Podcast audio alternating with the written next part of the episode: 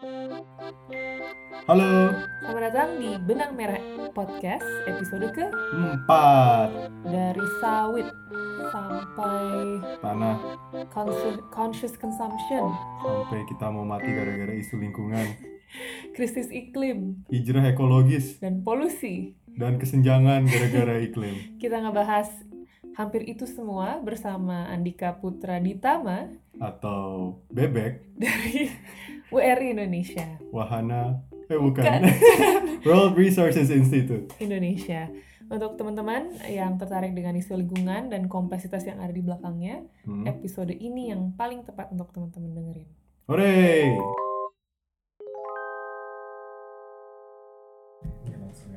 Oh ya Halo, selamat datang di Benang Merah Podcast edisi ke empat. sampai nggak tahu edisi ke berapa. Ini lupa Kok ya. edisi sih episode? Episode keempat. Um, kembali dengan saya Ben Laksana. Dan aku Rara Sekar.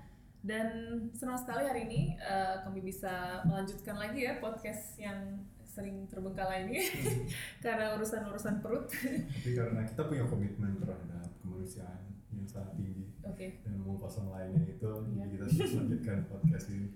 Nah, em, di episode kali ini pastinya kita ada bintang tamu ya, binatang tamu. Tapi sebelum itu kita pengen sok-sok kayak podcast orang kebanyakan yang membacakan surat apa surat? Surat Surat pembaca. pembaca, Iya. surat pendengar. Iya. Em, jadi ini dikirim oleh Azalea Wibisono pada tanggal 4 April. Sorry banget, sorry banget. Kita nggak bikin-bikin email benang merah, tapi nggak pernah dibuka. Em, ya Azalea, terima kasih emailnya. Kita bacain ya. Halo Kak Rara dan Kak Ben, Per- perkenalkan saya Zaza. Pertama-tama saya mau mengucapkan terima kasih karena sudah membuat podcast diskusi yang menarik dengan obrolan-obrolan ringan serta diperkaya dengan candaan-candaan lucu. Wah, banget. Saya pengagum diskusi kalian berdua dimulai dengan menonton video kalian yang diwawancari oleh asumsi di mana membahas mengenai berkebun dan nyambung ke kapitalisme serta sistem pendidikan Indonesia yang masih menciptakan jiwa-jiwa kapitalisme. Wow. Emang kita pernah ngomong ini ya? Kayaknya enggak deh. Astaga. Astagfirullah. Eh, menarik sekali membahas hal-hal yang sangat dekat dengan kehidupan ini. Maka dari itu saya ingin sekali mengetahui pendapat kalian mengenai feminisme, sejarahnya, apakah feminisme ini penting terutama untuk Indonesia, dampaknya kehidupan kita sebagai manusia terutama untuk perempuan, serta apakah RU penghapusan kekerasan seksual RUU PKS yang sekarang banyak sekali pro kontranya dibutuhkan atau tidak butuhkan. Akhir kata saya ucapkan eh, lagi terima kasih sebaik-baiknya dan saya juga menanti pembahasan mengenai isu-isu sosial lainnya terutama feminisme karena saya pun tertarik dalam isu ini. Semoga podcast Benang Merah semakin baik dalam segi produksinya. Amin. Butuh dana juga serta konsisten dan terus mengupload diskusi-diskusi menarik selanjutnya. Salam Zaza. Kayak TVRI ya. Tapi kita terima kasih loh Zaza udah ngirim email ini. Kita Hmm. sebenarnya sangat tertarik sama topik ini, cuma Yes. belum menemukan narasumber yang Sebenarnya udah menemukan cuman Dan kita orangnya- belum berani mengirim email aja. Iya, dan juga orangnya belum tentu ada di Indonesia sih sebenarnya. Iya. Jadi kita, tapi pasti ini ada ada ada, salah, ada di salah satu list kita Iya. podcast kita ke depannya. Jadi sih. sarannya Zaza kami tampung. ya kami terima. Kami terima. wow, pasti dia nyesel banget tuh email kita. Ya, kan yang penting dibalas kan, Iya. walaupun dibalasnya nggak lang email juga. Ada lagi ya? Ada lagi. Oh ini baru nih, itu banyak banget soalnya. Um, yang kedua tanggal Juni 16 kemarin dari Probo Ocha Deni, namanya keren juga. Hmm. Probo Ocha Deni. Um, halo Mas Ben dan Mbak Rara, saya penikmat benang merah sejak pertama kali download Google Podcast. Saya lupa apa yang pertama kali membuat tertarik dengan channel ini. Yang pasti setelah mendengar episode 1, saya langsung terpikat. Bukan hanya karena pembawaan Mas dan Mbak yang baik dan santai, wah iya, Baik. Baik. Kita baik? Tapi apa yang dibedah itu juga beda dan metodenya pun beda dari yang biasanya saya dengar. Emang mungkin karena saya belum tahu referensi podcast lain. Iya juga sih. Mungkin. saya harap Mas Ben dan Mbak Rara lebih rutin lagi dalam memproduksi konten channel ini. Kalau bisa dua minggu sekali. Hehehe. Nggak mungkin. Saya harap banyak podcast yang seperti ini bahkan dengan spesialisasi bidang tertentu. Terima kasih benang merah. Waduh, Terima kasih juga Probo Ocha Deni. kalau setiap dua minggu sekali, waduh, susah juga ya, Ra. Kita kan orangnya males ya. Iya sih. Sibuk sih lebih tepatnya. Iya. Tapi eh, sebenarnya kalau podcast podcast benang merah pengennya tuh ambisinya adalah sebulan sekali aja itu Iya. udah cukup. apa ya, cukup rajin ya. Iya, kita nggak terlalu berambisius seperti kebanyakan orang ya. Iya, lagian kan ini misalnya lagi kita bukan content creator. Iya, gitu kan ya. Tapi kan misalnya kita durasinya ada dua jam cicil aja per Iya. dua minggu dibagi dua kan. Lumayan kan. Atau sebenarnya mungkin ada satu podcast kita bagi dua ya setiap dua minggu. Iya, benar juga ya. Jadi saksikan bagian Setengahnya. setengahnya berikutnya dua minggu lagi. Itu sebuah ide sih. Mungkin Sebuah ide. kalau durasinya terlalu panjang. Iya. Nah ngomongin durasi, yang ini kira-kira durasinya berapa lama ya? Semoga semoga masih digestible ya, masih Iya. bisa di, di dimakan. Eh, enggak sih bahasa Indonesia ya. Banget. Duh, Ada gulai. ah, Gulai sekali saya. Em, Oke hari ini, aduh aku jeduk ke meja. Hari ini eh, kita sudah kedatangan tamu, tamu spesial, spesial. Em, karena tema hari ini kita ingin membahas tentang tanah ya, tentang tanah dan hal-hal yang belum selesai. Woi. Langsung aja. namanya kita harus kenalin ya Kita harus kenalin. Oh ya Andika Andika Putra Ditama. Gue tanya tadi ketawa. Sebelum diperkenalkan gue gak mau ketawa Um, disclaimer sedikit, uh, Andika Putra Ditama adalah teman, lama kami. Eh, jangan Dan- Oh iya sorry dan saudara udah, udah bukan saudara Rara lagi. Wah, urusan keluarga ini. sorry panjang jadi cerita ya. Pokoknya saudara, iya. terus gak jadi saudara. Tapi tidak jadi saudara lagi karena begitulah. Begitulah kehidupan. ya. Tidak kehidupan. Oh Tapi intinya karena kita udah kenal lama, kita sebenarnya lebih mengenal dia dengan sebutan uh, Bebek. bebek. Nah, Mau tau Itu kenapa? disclaimer ya? Iya, disclaimer. Oh my Mau tau kenapa dipanggil bebek? Nah, dengerin aja Iya, podcast ini. Gak mungkin juga dijelasin dia. Iya, gak juga sih. Bebek. Becky, ya, Iya. udah. Intinya gitu. Jadi kalau kalian itu kalau kita manggil bebek itu bukan orang keempat ya, itu adalah Andika Putra Ditama gitu. Iya, oke. Halo Bek. Halo Ra dan Ben Apa kabar? Bek? Baik Baik ya. Lama gak ketemu ya? Iya, lama, Lama sih, jarang banget. Iya. Terakhir Iya, ketemu iya. tuh sebelum Harusnya- kita ke Pekanbaru. Iya. Dan harusnya gue ikut kan baru Iya. Oh, iya. Wah, gimana nih? Gue, gue, gue ikut nanti ke Palembang Oke, oke, oke. Oh, iya. Kalau nggak sesuruh Pekanbaru, nggak nyesel nggak ikut ke Pekanbaru. Bener juga Apa sih? Oke, jadi hari ini kita pengen ngebahas topik kan tentang tanah nih. Iya. Kenapa kita ngundang Bebek? Karena Dia kenapa punya otoritas ya? iya ya. Kenapa ya? Sebenarnya itu pertanyaan. Apa? Kenapa, kenapa, Gua- kenapa lu punya otoritas untuk membicarakan tanah ya. Ah Enggak, gue gak punya otoritas Tapi ada pengalaman lah ya. iya, dia ada sedikit pengetahuan lah sana. Gue punya opini tentang itu Oh dia Ah, punya iya. opini Iya. ya dan cukup keras ya opininya bisa disaksikan juga di soal Twitter. acara ini Wikipedia soalnya. Iya. Ya, jadi eh, Bebek ini apa bekerja di sebuah LSM Iya. eh, yang berfokus pada isu lingkungan kali ya Hmm. secara gen- generalnya ya. gitu. Boleh sebut nggak sih? Kenapa enggak? Oh oke, nggak tahu ya siapa tahu ada yang Iya. pengen. Iya. Enggak, enggak Oh iya, biar naikin LSM juga. ya?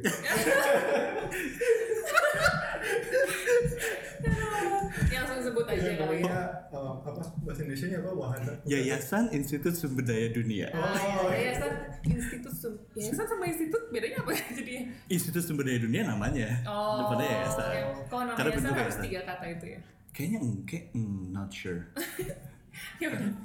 Penting Tapi nama nama bahasa Inggrisnya World Resources Institute. Iya. World Resources Institut Institute. Indonesia. We're, we're handling resources in the world Institutionally. Yes. 10 menit pertama udah sampah Aduh, aduh, aduh, kasihan banget orang menghabiskan 8 menit dari 8 menit. hidupnya buat ini. Pasti orang udah gak dengerin Iya. sampai ini. Sorry ya. Tapi mungkin bisa ceritain gak sih back kayak di WRI megang apa dan fokusnya di apa namanya isu-isu seperti apa gitu. Hmm. Sure. Jadi WRI itu eh, sebetulnya kita lembaga riset yang bergerak di isu pembangunan berkelanjutan. Jadi nggak hanya ngelihat aspek lingkungannya, tapi juga ngelihat eh, gimana sih aspek lingkungan bisa disimbangkan dengan pertumbuhan ekonomi, dengan eh, kesejahteraan manusia dan lain-lain. Nah di WRI itu portfolio yang eh, saya pegang sekarang eh, gerak di bidang sustainable commodity and business. Jadi sebenarnya ngelihat bagaimana uh, pola-pola produksi dari komoditas-komoditas utama dunia itu bisa kita seimbangkan dengan proteksi uh, lingkungan hidup, Oke. uh, kesejahteraan manusia, hak-hak sosial dan lain-lain.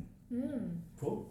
Berarti info dulu. That sounds like a very boiler template ya. I know. Iya sih. Dapat dari mana mas? Habis training.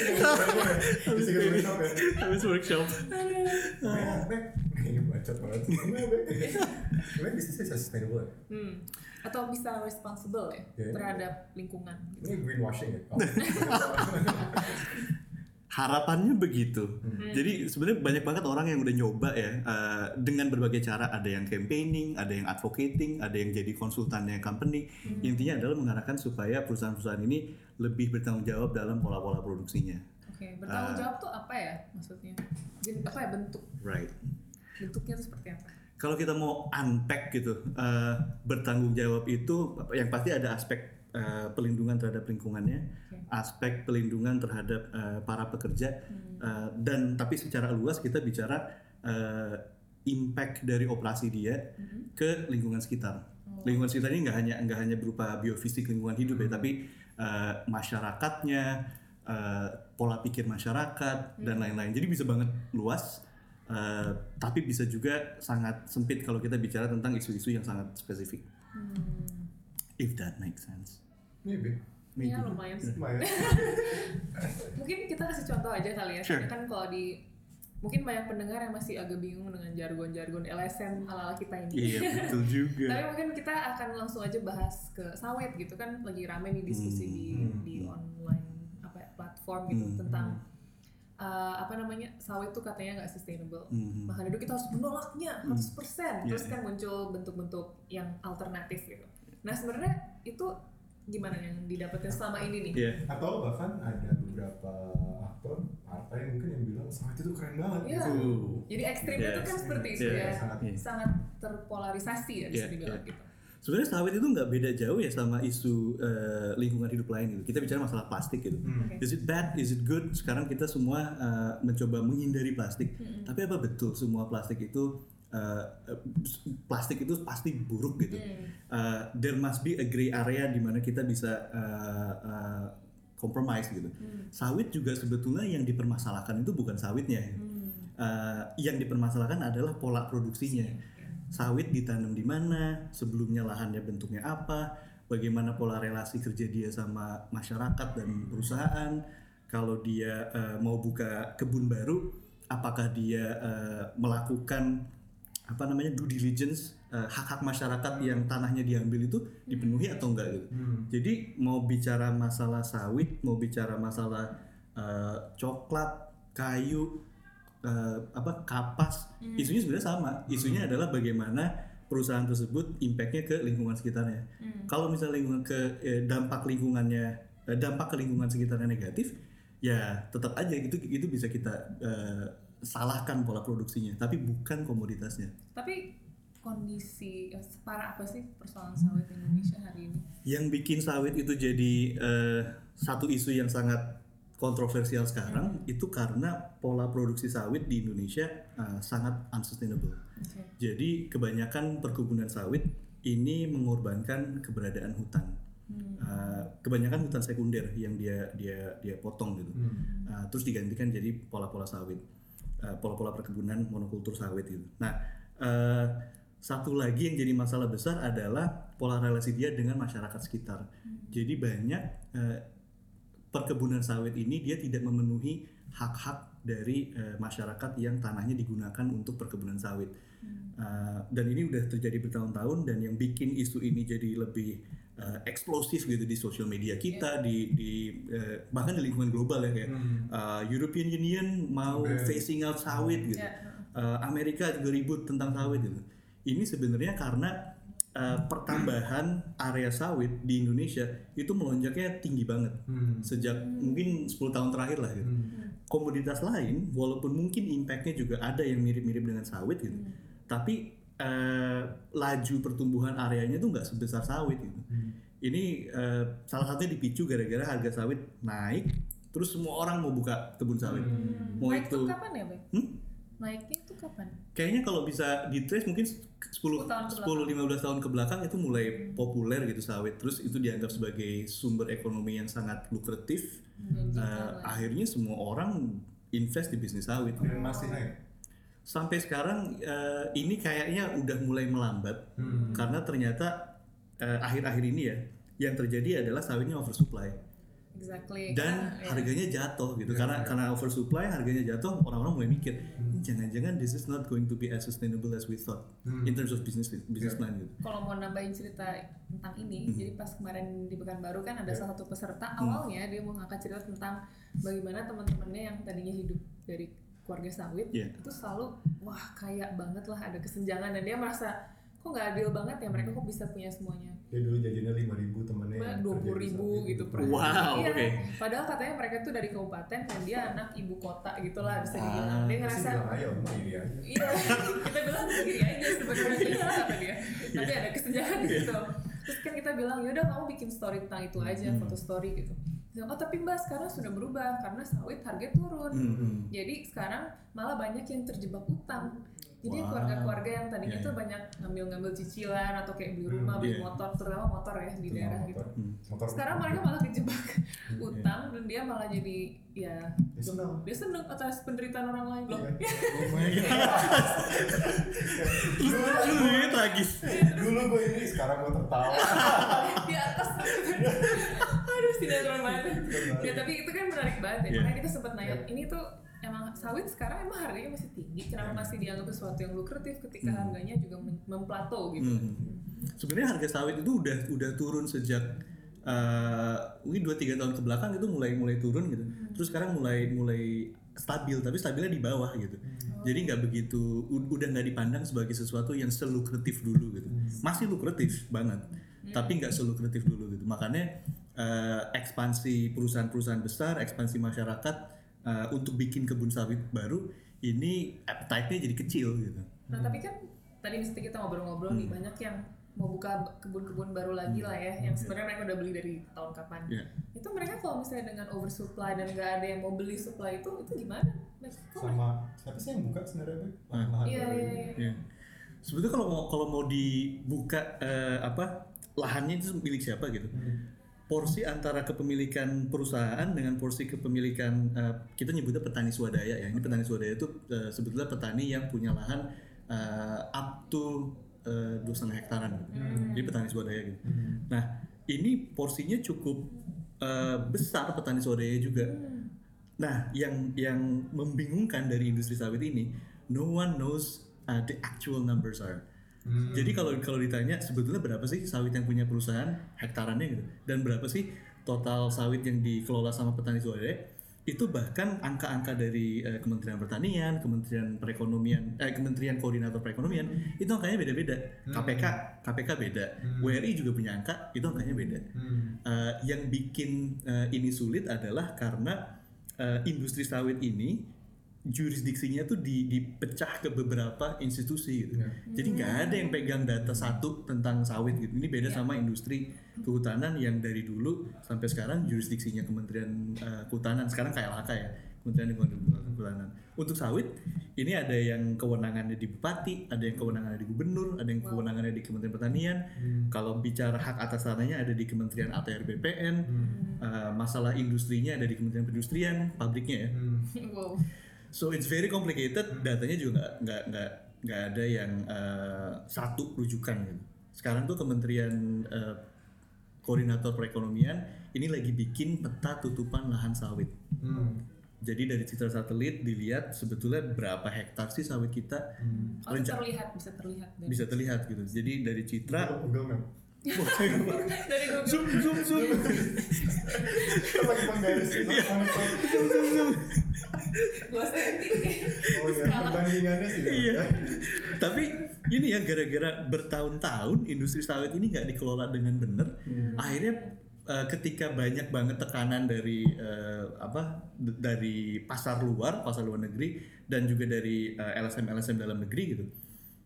Eh, biaya untuk memperbaikinya tuh jadi tinggi sekali gitu. Iya, iya. Iya. Sekarang untuk melakukan pemetaan tutupan sawit aja ya, itu beli citra kan cukup mahal. Iya. Wall to wall Indonesia dari Sabang sampai Merauke, Iya. terus di di, di zoomin satu-satu tuh, itu mahal banget Ben gitu. Akhirnya jadi eh, terbengkalainya puluhan tahun sih. Gitu. Akhirnya jadi sulit banget nggak mengurainya ya. Ini kayak pitching one map ya. Iya. Eh, jadi Tapi berarti ini udah ada upaya mengarah ke sana. Eh, upayanya ada, upaya ada malah. Jadi dari dari tekanan ke industri sawit ini kan udah banyak sebetulnya dan udah udah dilakukan bertahun-tahun ke belakang. Eh, akhirnya ketika pemerintah juga sadar bahwa ini industri yang sangat besar, eh, penghidupan banyak orang juga, Iya, betul. Eh, dan kalau kita bicara eh, fair ya tentang sawit, sawit itu adalah tanaman yang eh, produksinya paling efisien, Hmm. Eh, edible oil yang produksinya paling efisien dibandingkan tanaman eh, nabati, penghasil minyak nabati lainnya gitu. Eh, bisa Kayak tuh canola, minyak canola, kelapa, gitu. corn, Avocado. eh, avocado. Ada ada, ada. minyaknya dikit banget sih. Iya. ada, ada sih. Canola, coconut Sun- oil, sunflower, ya. oil, iya. rapeseed itu kalau kita bandingin sawit itu memang hanya membutuhkan lahan yang jauh lebih sedikit untuk menghasilkan jumlah minyak yang sama. Eh, jadi kalau balik ke pertanyaan awal banget yang tadi kalian tanyain gitu tentang Apa ya? sawit. Udah lupa. Apa ya? Keren, bener juga ya. That's true. Balik ke depan. Ceritanya mau bikin cycle tapi, ah, ya, pertanyaan apa tadi ya? Ya udah bikin pertanyaan Sawit itu baik atau buruk gitu Oh, kan? oke. Eh, kalau misalnya kita beralih dari minyak sawit ke minyak lain, misalnya pindah ke coconut. Pertama coconut harganya jauh lebih mahal. Iya. Kalau kita bicara tentang uh, affordability, sawit masih di atas yang lain lah. gitu. Yang kedua, karena dia membutuhkan lahan jauh lebih sedikit, uh, ini kita tahu ya, populasi dunia kan naik terus. Nggak ada ceritanya populasi dunia turun. At least kita belum melihat itu gitu. Nggak tahu kalau nanti semakin panas bumi, semakin Ada virus-virus. virus-virus gitu, terus akhirnya appetite buat bikin anak juga turun gitu. Insya Allah. Oh, terus diem semua.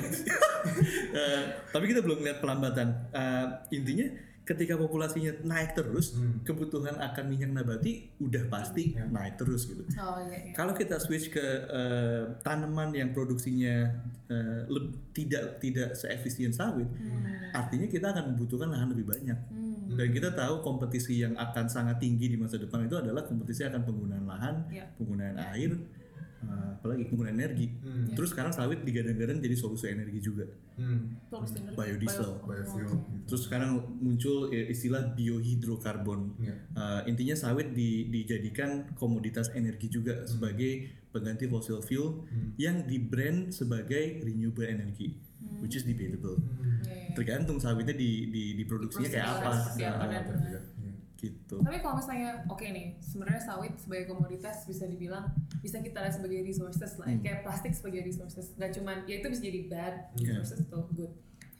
Alternatifnya apa nih yang sustainable? Dan bagaimana cara kita ngecek sawit atau produk sawit yang Iya. mengandung minyak sawit ini tuh Iya. sustainable atau responsible Right. gitu-gitu. And what do you mean by sustainable? Apakah hanya sekedar apakah keseluruhan chainnya atau Yeah. apakah pohonnya ditanam Yeah. secara Atau bisnisnya jadi kaya.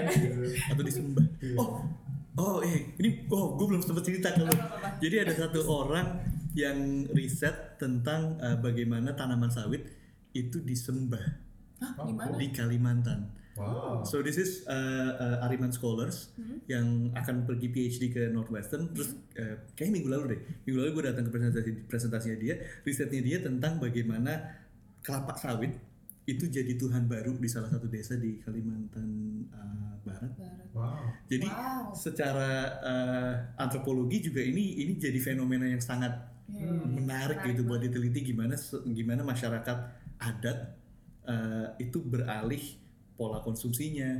Oh, so it's a new development, ini development yang It's, Maksudnya it's, nih, ris- it's quite recent. Ritualnya dibuat baru. Ritualnya dibuat baru. Oh. Jadi bu- bukan bukan Oh, ini bukan ritual adat dia dia. uh, Oh. j- jadi uh, bukan ritual adat aslinya dia gitu. Jadi ini ini sesuatu yang baru. Kenapa dia bikin jadi Tuhan sawitnya? Maksudnya uh, Ah. fungsinya apa? Fungsi konservasi atau Nah fungsi? itu gue harus baca papernya dulu deh. Oh, iya, iya. Soalnya gue juga nggak nggak baca detailnya, tapi judulnya cukup eksplosif. I'll share it with you. Wah ini parah nih baca-baca judul. Ada ada di situ sih judulnya. Bisa gue ambil. bisa gue bisa gue ambil sih. Tapi itu Tahu, banget ambilin. Iya, iya. Mungkin patut di, di Terus tadi pertanyaan apa ya sebenarnya? Oh ya, uh, sustainable sawit. Oh, iya, sebenarnya apa? sawit sustainable itu kayak apa? Sustainable apa? Betul betul. Uh, sebetulnya sama dengan hal sustainable yang lain, yang dianggap sustainable adalah uh, yang di yang disepakati oleh para pihak. gitu. Kalau di dalam sawit ini ada satu forum yang namanya RSPO Roundtable on Sustainable Palm Oil.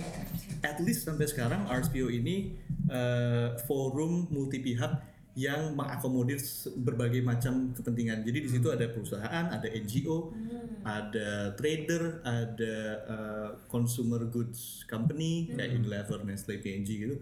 Pokoknya semua ngumpul di situ. Pemerintah ada nggak? Pemerintah ada beberapa. Hmm. Pemerintah ada beberapa. Nah, intinya si forum multi pihak ini eh, saling berpendapat apa sih yang disebut sustainable palm oil. Tapi at least eh, kalau kita jabarkan sedikit eh, ada aspek-aspek pelindungan terhadap lingkungan hidup, aspek sosial Hmm. eh, dan juga terkait eh, kelangsungan bisnis gitu. Hmm. Eh, dan legalitas, aspek legalitas. Eh, Poin-poin yang disepakati ini misalnya sawit tidak boleh ditanam di area yang memiliki eh, nilai karbon tinggi. Nilai karbon tinggi itu eh, misalnya hutan primer atau hutan sekunder yang biomasanya tuh dia nyimpen karbon. Ya. Kalau dia dipotong, di di deforestasi terus digantikan dengan sawit, itu karbonnya semua lepas. Ya. Hmm. Terus eh, Gambut. gambut itu sangat sangat tinggi nilai karbonnya karena dia sebetulnya gambut itu orang banyak yang salah paham kalau gambut itu tanah gitu sebetulnya Jembut. you know what gue expect itu bakal keluar Tapi nggak nggak nggak. Tapi nggak di situ Oke. amazing Emang penuh kejutan ya. penuh kejutan ini banyak ranjau ya Iya, langsung lupa. ya coba what what was I talking about Eh, tanah gambut itu sebetulnya eh, bukan eh, tanah mineral gitu tapi itu sebenarnya organik kan jadi Iya, iya. karbonnya tinggi banget lah Hmm. jadi kalau sawit itu ditanam di gambut si gambut tanah gambut ini kan harus dikeringin dulu itu pasti melepas karbon juga Iya. itu aspek lingkungan hidup aspek sosial tuh biasanya perkebunan sawit dia harus memastikan pada saat dia mau membuka lahan baru membuka kebun baru eh, hak-hak masyarakat setempat itu harus terpenuhi Hmm. dan harus lewat proses eh, bahasa Indonesianya itu padiatapa. Apa? Apa itu? Nah, singkatan bahasa Indonesianya agak rumit. Bahasa Inggrisnya free prior informed consent. Hmm. Intinya adalah eh, masyarakat setempat ini harus dikonsum Kayak mau seks. Ya. Iya. Ya, con- consent. Consent. Karena consent adalah eh, dasar dari eh, segala macam aktivitas yang berhubungan dengan orang lain gitu. Iya. Lu mau mau nepok orang di MRT juga sebenarnya harus ada consentnya sebetulnya gitu kan. Hmm. So perusahaan sawit juga harus melakukan eh, yang namanya consent tadi, Hmm. tapi dilengkapi dengan free prior informed consent. Artinya eh, konsennya si masyarakat yang eh, lahannya akan dipakai untuk sawit ini harus diberikan dulu pemahaman bahwa dampak-dampak sawit ini bakal A, B, C, D. Gitu. Hmm. Setelah mereka paham, oh berarti setelah ada sawit, saya mungkin eh, air sungainya akan lebih keruh dari sekarang. Jadi dia bisa mikir dampaknya apa untuk penghidupannya dia, eh, baru dia membuat keputusan yang tidak atas dasar paksaan Hmm. eh, bahwa dia menolak atau menerima sawit. Jadi itu juga cukup eh, robust ya, cukup ketat gitu eh, yang disyaratkan oleh eh, m- apa forum multi pihak ini. gitu. Hmm. Kayaknya kok kalau jadi masyarakat situ aku nggak akan nggak akan sih mau ngasih ke Iya. Kok ada sih masyarakat yang mau nanya. merelakan How is it in the field? Iya, Gimana sih. sih Right, interesting. Iya, itu apakah mereka benar-benar diberi pemahaman sih dalam mungkin tentang dampaknya ke mereka atau tidak gitu. Iya, iya, iya. Dari pengalaman lo gimana, Be? atau Jadi ada trade off mungkin Iya, dia mendapat off. mereka mendapatkan sesuatu yang jadi sebelum sebelum lu bilang gue mau diinterview buat podcast ini kan katanya entry pointnya mau dari tesis gue nih. Nah gue belok ke situ dulu ya. Iya. boleh boleh. Jadi- kita santai. Eh, tapi kita matiin. Terus gitu. Disensor. Disensor. Oh panjang lebar. Eh, jadi gue mulai terekspos dengan masalah sawit ini sekitaran tahun 2012 lah ya pertama kali kerja di WRI terus salah satu proyeknya adalah untuk mencari lahan rendah karbon yang bisa dipakai untuk sawit Eh, supaya nggak harus ngorbanin hutan Iya. nah eh, salah satu lahan ini ada yang milik masyarakat Hmm. eh, masyarakat eh, adat sih di di Kalimantan Barat. Eh, lalu pada saat kita melakukan riset, sebetulnya mereka mau nggak sih sawit gitu? Iya. Eh, atau jangan-jangan eh, menolak gitu? Pendapat yang umum atau pendapat yang biasanya me- meromantisasi peran masyarakat adat biasanya bakal bilang kalau itu masyarakat adat dan adatnya masih dipegang dengan teguh itu pasti mereka nggak mau ngorbanin hutannya Oke. untuk perkebunan monokultur kayak sawit gitu. Mm-mm. Tapi eh, fakta di lapangan ini belum tentu mereka masih eh, pertama masih memegang adat dengan teguh. Walaupun mereka masih memegang adat dengan teguh, kita juga masih harus melihat ada eh, alasan-alasan praktis kenapa masyarakat akhirnya menerima sawit. Hmm. Tadi Lagian kan nggak semua adat eh, punya landasan ekologis. Eko- Iya, iya. kan? Jadi kalau bicara eh, apa traditional ecological knowledge ya TIK gitu, konsep TIK eh, nggak semua masyarakat adat juga punya kedekatan historis dengan Ya. alam gitu. Hmm. Atau eh, kalau bicara di level yang lebih praktis adalah eh, ketergantungan eh, penghidupannya dari alam. Ya. Belum tentu gitu. Kebanyakan iya, tapi ada juga yang enggak gitu. Hmm. Eh, tapi faktor faktor eh, keberterimaan sawit di masyarakat eh, setempat ini bisa jadi juga karena mereka pertama ya kesulitan untuk menggarap lahannya. Hmm. Satu kasus yang kita temuin itu lahan masyarakatnya ada yang bentuknya lahan gambut dan ada yang bentuknya lahan eh, mineral eh, terbuka gitu lah. Hmm. Ini ternyata mereka mau ngasih yang lahan gambut yang mana kalau dari perspektif lingkungan Hmm. itu damaging banget gitu dikasih ke sawit karena mereka nggak bisa ngolah lahan gambut. Hmm. Eh, lu udah pernah ke gambut? Lahan gambut kan, Pak? Belum. Eh, belum ya? Tapi kita udah ya? nyobain yang pakai VR itu. Oke, pakai VR. Close enough. Close enough. Oh. Close enough. Intinya kalau kalian pernah ke lahan gambut ya, lahan gambut itu eh, biasanya kan swampy. Dia dia di dia submerge gitu di bawah air juga. Gabut ya small. Iya. Iya. Kayak big bog and so yeah. Pok- Intinya wetland gitu. Dia lahan basah. Eh, kebayang nggak sih kalau kalian punya berhektar-hektar lahan gambut, mau ngolahnya gimana juga? Masyarakat belum tentu punya alat berat untuk ngolahnya atau punya pengetahuan Iya. eh, untuk membudidayakan eh, lahan jadi gambut. lahan produktif. Ah, ah, bikin itu jalan produk. Jadi Emang susah ya lahan gabut untuk dibuat jadi lahan yang produktif. Ada beberapa kultur yang eh, eh, budaya yang sudah membudidayakan lahan gambut. Itu namanya paludikultur. Hmm. Paludikultur itu eh, adalah budidaya tanaman produktif di lahan gambut. Hmm. Nah, tapi nggak banyak masyarakat kita yang tahu bagaimana cara melakukan itu gitu. Oke. Jadi ketika mereka punya lahan gambut yang besar, terus ada tawaran nih dari perusahaan, boleh nggak gue beli lahan gambutnya, gue jadiin sawit? happy mereka gitu. Iya, iya. Ada beberapa yang happy gitu. Iya. At least eh, salah satu yang kita temui mereka mau ngasih lahan gambutnya ke perusahaan Hmm. dan mereka keep lahan terdegradasinya, lahan rendah karbonnya karena mereka butuh untuk eh, ladang. Hmm. Oke. Nah, di di skenario-skenario seperti itu, ketika eh, FPIC tadi dijalankan, ketika konsen tadi dijalankan, otomatis perusahaan dapat konsen dong. gitu. Hmm. Walaupun udah nerangin impactnya seperti apa gitu. Ya. Jadi ada eh, ada kasus-kasus seperti itu. Nah, intinya dari pengalaman tadi, dari dari anekdot-anekdot yang yang sempat gue temuin dulu gitu, eh, pada saat gue mau ngambil S2, ini yang jadi eh, dasar gue jadi agak cukup skeptis Hmm. sama romantisme eh, tentang peran masyarakat adat. Hmm. Uh, and I think this is quite uh, apa ya, quite uncommon gitu di di dunia LSM. Uh, karena banyak juga yang memperjuangkan hak-hak masyarakat adat, hak masyarakat lokal, which is uh, very much needed. Hmm. Perusahaan sawit juga banyak uh, jadi penyebab konflik Ya. di, di di level tapak gitu. Ya. Tapi karena gue mendekati ini dari kacamata akademis juga, gue penasaran bener nggak sih kalau pengelolaan lahan ini dikasih ke masyarakat setempat, masyarakat lokal, Hmm. eh, hutannya otomatis akan terselamatkan Hmm. tanpa ada eh, introduksi pengetahuan-pengetahuan tentang Oh. dampak ekologisnya gitu. Ya. Nah, akhirnya, yaudah akhirnya itulah yang jadi research question eh, S2 S2 gue gitu.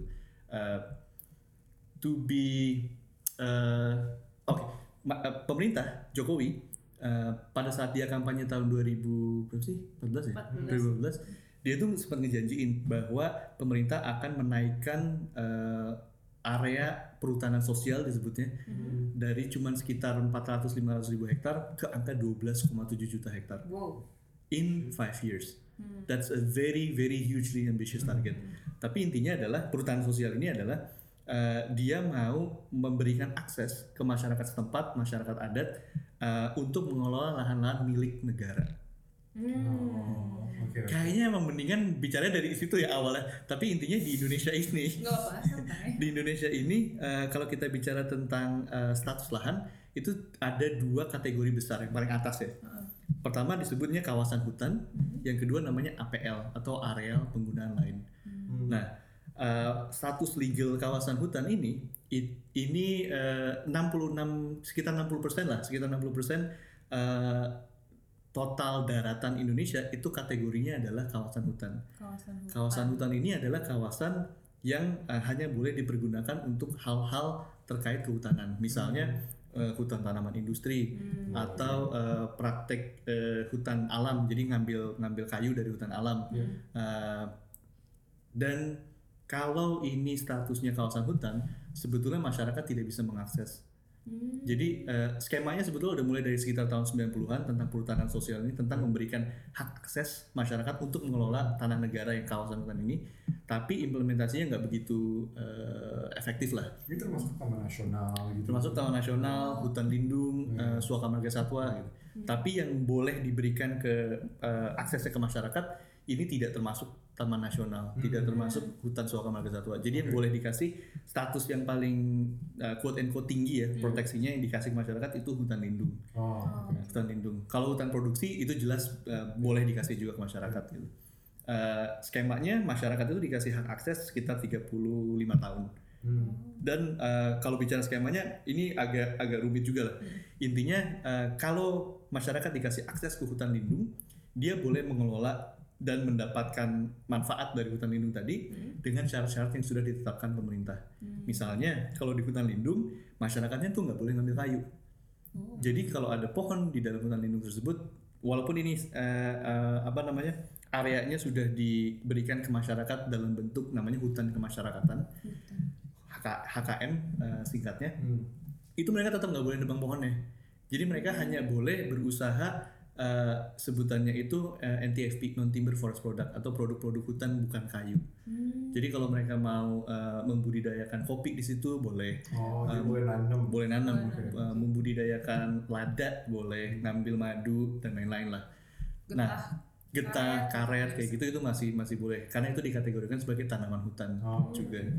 Uh, jadi mereka dan mereka juga dibebani um, kewajiban untuk nanam pohon supaya si hutan lindung ini jadi lebih bagus juga. Iya, iya. So uh, program perhutanan sosial ini didesain sedemikian rupa supaya mereka bisa memberikan uh, akses ke masyarakat setempat uh, mengelola lahan negara, menyejahterakan mereka karena mereka punya uh, lahan untuk dibudidayakan dan yang terakhir adalah melindungi lingkungan, Hmm. bahkan memperbaiki lingkungan. Ini sih masyarakatnya yang minta request gitu ke pemerintah atau pemerintah yang langsung wah ini ada masyarakat yang sekiranya membutuhkan dikasih Right. itu gimana tuh skemanya?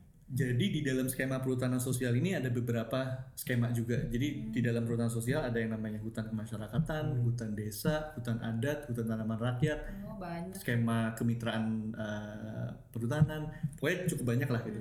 Tapi intinya eh, masyarakat boleh mengajukan eh, permohonan untuk mereka mendapatkan izin-izin ini. Tapi ada juga yang eh, kasus di mana pemerintah proaktif mendekati masyarakat. Oh ini dekat desa nih, kalau kita kasih ke aksesnya ke masyarakat desa di sini, siapa tahu hutannya bisa lebih produktif. Gitu. Iya. Things like Kayak that. skema malam. Oh, Iya. Nah, ini kan programnya ambisius banget. Iya. Bayangin 12,7 juta hektar Iya. mau dikasih ke masyarakat, eh, dikelola masyarakat.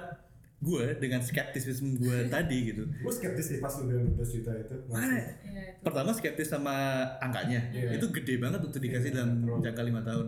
Kedua, gue skeptis dengan eh, performance ya gitu. Bener gak sih kalau dikasih ke masyarakat, otomatis hutannya bakal selamat. Jangan-jangan malah tambah eh, terjadi deforestasi gitu. Iya. Jadi akhirnya em, riset gue fokus di eh, skema hutan kemasyarakatan. Hmm. Eh, waktu itu gue ngambil sampelnya di Lampung, jadi gue ngeliat hutan kemasyarakatan di Lampung yang dikasih ke masyarakat dan statusnya adalah hutan lindung. Hmm. Setelah dikasih, hutannya masih ada nggak sih gitu? Hmm. Eh, rate deforestasinya lebih tinggi nggak sih dibandingkan hutan lindung yang nggak dikasih ke masyarakat? Dalam berapa tahun itu? Jadi eh, izinnya itu dikasih tahun 2007 Hmm. gue riset tahun 2017 jadi gue ngelihat temporalnya tuh dari 2007 sampai 2016 Hmm. gue ngelihat dari dari dari berapa berapa tahun ya Sembilan. sih I'm not good at math 9 ya Iya. Kita juga oh ya dapat. 2007 tambah 9 Iya 2016 Wow, betul lama banget. wow jadi 9 tahun eh, deforestasinya lebih lebih tinggi apa enggak dibanding Oh. hutan lindung tanpa masyarakat. Hmm. Ternyata hasil yang dari Lampung adalah hutan lindungnya lebih bagus kalau dikasih ke masyarakat, Hmm. which is a good result. Iya. Artinya si HKM di Lampung ini berhasil menjalankan uh, dual function tadi, menyejahterakan iya, nyelamatin uh, Mereka jadi lingkungan. Mereka jadi bisa Mereka pakai buat apa? Mereka banyak nanam kopi, Oh. yang di dataran tinggi banyak juga kopi, tapi kalau yang ada dataran rendahnya itu banyak juga uh, lada. Dan lada itu harganya mahal kan? Iya, Iya, iya. Dan uh, menarik itu si lada ini dia kan tanaman rambat. Iya. Jadi di uh, uh, masyarakat itu lebih termotivasi untuk nanam pohon yang dijadikan bahan rambatannya si lada Iya, gitu. iya. So it's a win-win solution gitu. Iya. Tapi lagi-lagi hasilnya bilang gitu ya. Tapi eh, hasil ini nggak bisa digeneralisir untuk lokasi lain dan skema lain. Iya. Eh, masalah hutan adat juga eh, ini perlu ditelisik lebih lanjut sih. Intinya kalau kita mau mengklaim sesuatu, gue nggak setuju kalau kita mengandalkan eh, romantisme gitu. Iya. Lebih baik kita pakai data karena datanya juga sekarang cukup mudah, cukup eh, mudah untuk diperoleh. Tinggal gimana cara kita mendekati itu dengan eh, metode eh, ilmiah yang yang robust gitu. Gitu. Wow, thank you for that elaborate story, Bray. Oh gosh. Akhirnya S2 gue ada gunanya juga. Iya, buat podcast doang. Buat podcast. Enggak sih aku jadi penasaran aja kira-kira maksudnya kriteria-kriteria apa yang memungkinkan masyarakat bisa memanfaatkan dan melindungi hutan gitu. Jadi apakah ada semacam formula atau enggak ada formula justru atau itu menarik banget sih karena kan beda ya setiap masyarakat. Enggak Iya. enggak perlu masyarakat adat bahkan maksudnya Iya. siapa pun yang dekat dengan hutan gitu. Iya. Iya, gue jadi kepikiran sih karena ini kan kita bi- dari tadi bicara masyarakat yang emang dekat sama hutan. Hmm. Memang mereka ada keter- mungkin ketergantungan karena secara fisik pun memang dekat sama Hmm. hutan itu ya. How about us gitu? Bagaimana dengan kita gitu kan Iya, yang, iya. yang oh iya ada hutan bakaran. So, Iya. Iya. Jangankan tentang hutan ya yang jauh dari eh kita nih masyarakat urban. well, yang sekarang yang bisa dibilang urban yang tidak jauh dari alam lah. Sure. gitu ya. Jadi kayak orang di Jakarta, orang di Bandung, yang di Lampung gitu. Eh, jangankan hutan ya, ini Jakarta yang polusinya udah Wih, wih, wih, air visual. air visual terus gitu. Visual. Eh, pada download ya terus gitu. Jangan lupa download dan rasakan kepedihan tinggal di kota ini. Jadi jangankan hutan yang jauh dari dari eh, kehidupan kita sehari-hari, ini bahkan kehidupan kita di kota, kita ngeliat polusi udara Jakarta itu eh, baru baru banget tadi pas gue di lift nih di lift di kan ada kacanya tuh. Pasti karena polusi. Iya, karena polusi. Iya. Oh my god. Oh, kita harus punya sensor bau. Sensor bau. Sensor bau. Hari ini baunya fruity. gue tuh lagi nunggu lift di depan itu ada kaca di depan terus gue komentar gitu ke orang sebelah gue ini gila ya Jakarta polusinya udah segini terus dia dengan entengnya jawab eh "Loh, bukannya biasanya segini juga jadi itu udah Normalisasi kan? dinormalisasi gitu and and the worst thing that could happen in an environmental catastrophe adalah ketika orang merasa itu sesuatu yang normal Iya. that's the new normal gitu dan karena polusi udara ini gradual gitu nggak kelihatan tiba-tiba terus tiba-tiba orang udah normal aja orang merasa ini sesuatu yang ah biasa kok gitu Because they grew up with it. gitu, They grew up with it. Jadi bahkan untuk isu yang dekat kayak polusi udara aja, eh, hal itu bisa terjadi. gitu. Iya. Apalagi tentang hutan. Hmm. Se- kayaknya nggak nggak jarang masyarakat kita yang mengaitkan sawit dengan kerusakan lingkungan Hmm. atau dengan eh, hilangnya masyarakat, eh, hilangnya hak-hak masyarakat setempat. Iya. Mungkin hanya yang woke aja gitu, yang eh, oh bener sawit itu kita harus eh, hindari, Hmm. harus ban gitu Ya, ya. dan itu mereka yang terpapar dengan uh, campaign-campaign yang dilakukan uh, NGO-NGO di luar juga gitu Hmm. Uh, which is kind of misleading juga gitu Hmm. Tapi gimana ya cara kita menye- apa ya bukan menyebarkan tapi kayak mendiseminasi informasi-informasi seperti Hmm. ini. Soalnya kan berarti orang kan sebenarnya karena dia nggak tahu gitu, Hmm. dia nggak paham relasi kita dengan tanah, relasi kita dengan konflik tanah di luar sana gitu. Hmm. Itu gimana ya? Maksudnya apa yang salah dari LSM LSM yang udah mengadvokasi selama bertahun-tahun mungkin Hmm. berdekade, tapi kok kayak ya setidaknya di Indonesia kita masih ngelihat mayoritas Hmm. lebih banyak nggak paham atau nggak peduli sih. Hmm. Atau mungkin nggak peduli ya, bukan Iya bukan. mungkin bahkan mungkin atau ya mungkin kalau nggak peduli gue lagi berusaha nggak sinis nih Ben Iya, iya. sebenarnya Oh, banget. Karena like that good Iya. oke Iya. lu mencoba counterbalance Iya, gue iya, ya iya. oke Kira-kira nih berusaha sinisnya tapi mereka kita hidup di masyarakat yang fokusnya ke isu ekonomi pembangunan Iya iya iya dan apakah orang karena emang fokusnya sedang ke sana Hmm. ya pembangunan adalah dengan disamakan dengan ekonomi saja gitu Hmm. akhirnya hal-hal lain Dikorbankan. dikorbankan Hmm. demi gue bisa mengisi perut gue hari ini gitu Dan kita bisa bersaing dengan negara-negara yang telah menjajah kita Iya. selama beratus tahun. kita sangat kita kan masyarakat yang sangat permukaan banget ya Iya. gitu kan ya. kita pengen kelihatan keren di Iya. depan orang lain termasuk negara kita pengen kelihatan keren di depan negara-negara Iya. lain gitu. Mhm. paling gampang lewat GDP Eh, bener, bener, ya. sepakat jadi eh, masyarakat kita juga memang nggak nggak begitu bisa eh, apa namanya eh, membuat relasi antara degradasi lingkungan Hmm. dengan kehidupan da- dampaknya dengan kehidupan personal dia gitu. Hmm. Dan bahkan keberlanjutan kehidupan kita ya sebenarnya. Iya, krisis anak-anak air, gitu. Iya, krisis air, krisis udara bersih. Udara bersih, ha. Eh, mungkin nanti kalau ini gue mencoba nggak sedih lagi, cuman bisa kayak keluar juga. Eh, ya deh krisis tempat-tempat instagramable yang hutan-hutan itu udah nggak ada lagi, itu sawit Iya. semua gitu. Iya, iya. Tapi eh, eh, isu kayak gini juga erat kaitannya sama eh, apa namanya purchasing power ya. Hmm. Kalau memang masyarakatnya belum sejahtera, eh, akan sangat sulit kita ajak mereka untuk eh, isu-isu yang sekompleks Hmm. lingkungan yang jangka waktunya itu mungkin 10, 15, 25 tahun ke Iya. depan dampaknya Hmm. gitu. Baru pada panik ketika eh, dampaknya di depan mata. Hmm. Tapi bahkan itu sendiri eh, banyak Polusi ada depan mata, Bet. polusi jadi mata, cuman itu ya ter- ternormalisasi kan. Iya, itu. Banjir di Jakarta Iya. lagi-lagi ternormalisasi. Bahkan gitu. kita menganggap itu suatu apa ya semacam ritual tahunan gitu. Iya. Kalau Januari itu udah pasti baca. Udah pasti gitu. Itu jadi jadi eh, rutin event Iya. aja gitu. Iya. It's just another routinity gitu. menarik sih kita hidup di masyarakat yang sangat hitam putih kayak either Hmm. or gitu ya Iya, ini gitu gitu Iya. Kayak balik lagi tadi mungkin di awal lu yang tentang sustainability gitu Hmm. kan ya, kayak kayak orang juga masih is it possible Hmm. kayak apa yang harus gue korbankan agar bisa lebih sustainable because surely there's something yang harus dikorbankan Yep.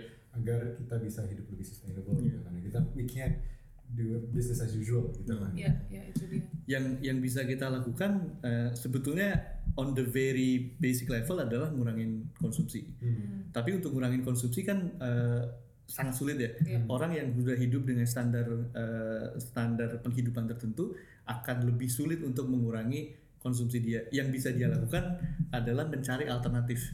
Tapi level consumption-nya sama gitu. Jadi banyak orang yang akhirnya eh, ya gitu Ini sedotan mengurangi konsumsi secara umum gitu. secara umum ya. Oke. Hmm. Eh, instead Oh, of level suka cita ya? Oh iya. oh Beda ya. sponsorin nanti. Terus gitu. Hashtag suka cita. Aduh, aduh, aduh. Mas Bertram terus gitu. Yang ini belum mas. Oh, iya, belum. Bajunya masih. H&M. suka mas ya. Nah itu eh, tantangan terbesar dari eh, gerakan-gerakan yang mau lebih peduli ya, mau Hmm. lebih peduli dengan dampaknya ini biasanya kepentoknya itu di harga, Harga. Iya. karena eh, nggak bisa dipungkiri sesuatu yang eh, yang eh, taking into account dampak eksternal dari dari po- pola produksi, pola logistik dan lain-lain lah gitu. Pasti harganya lebih mahal dibandingkan barang yang diproduksi secara massal Hmm. tanpa menghitung dampak-dampak eh, eksternalnya. Gitu. Iya, iya. Nah, kalau misalkan ini tidak terpecahkan, kita nggak bisa nemu bisnis model yang bisa menurunkan harga ini, atau kita nggak bisa menjadikan ini sebuah norma baru, nggak mungkin eh, masa gitu, nggak mungkin the majority of the population can afford this. Hmm. Dan akhirnya nggak akan pernah kita bisa eh, sampai di titik produksi sebuah komoditas itu bebas dari atau minimal lah dampak negatifnya Hmm. gitu. Ya kadang aku tuh suka like mikir tentang conscious consumption ya. Iya sih kadang untuk zero waste misalnya gitu Hmm. kita bisa dengan harga yang murah gitu dengan Iya. membeli hal-hal yang lokal tuh juga udah bisa zero waste. Tapi untuk conscious consumption di level yang tertiary goods gitu, Hmm. aku ngeliat ada isu kesenjangan karena ketika kita hanya ketika kita mampu kita Hmm. bisa membeli barang-barang yang responsible, sustainable, Hmm. whatever, ethical. Iya. Sedangkan yang nggak mampu disuruh untuk mengurangi konsumsi. Iya, betul. Akhirnya jadi itu kan sebenarnya nggak adil ya. Ya akhirnya kita jadi nggak bisa beli baju. tapi, tapi kayak isu ingin do good for the environment, isu lingkungan itu akhirnya jadi sangat elitis. Iya, Hmm, iya, Iya, itu iya, dia. iya. Iya gitu sih kayak Iya. buy your stainless steel Iya. apa straw atau apa yang Betul. mahal gitu. Iya, sebenarnya Iya, itu iya. nggak terlalu mahal sih. Iya.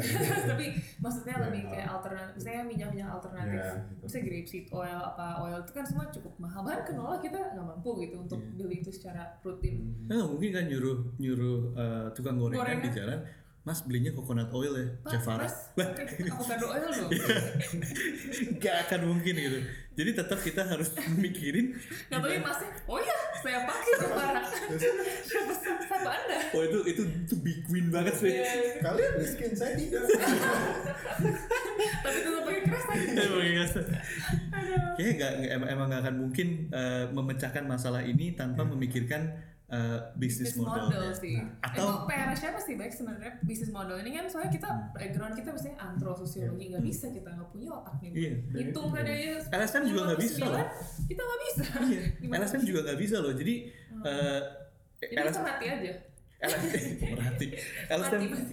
LSM ini kan jadi banyak jenisnya juga ya. Hmm. Ada LSM yang uh, secara prinsip mereka nggak mau kerjasama dengan perusahaan gitu. Oh, Oke. Uh, ada juga LSM yang posisinya di tengah-tengah gitu. Hmm. Gue nggak apa-apa kerja sama perusahaan asal gue punya rambu-rambu Hmm. uh, yang yang bisa gue uh, lihat gitu. Hmm. Nah, uh, untuk belajar tentang uh, bisnis model yang possible uh, atau hambatan-hambatan untuk menciptakan bisnis model baru ini, nggak mungkin kalau nggak kerja bareng atau uh, at least berinteraksi dengan perusahaan. Iya.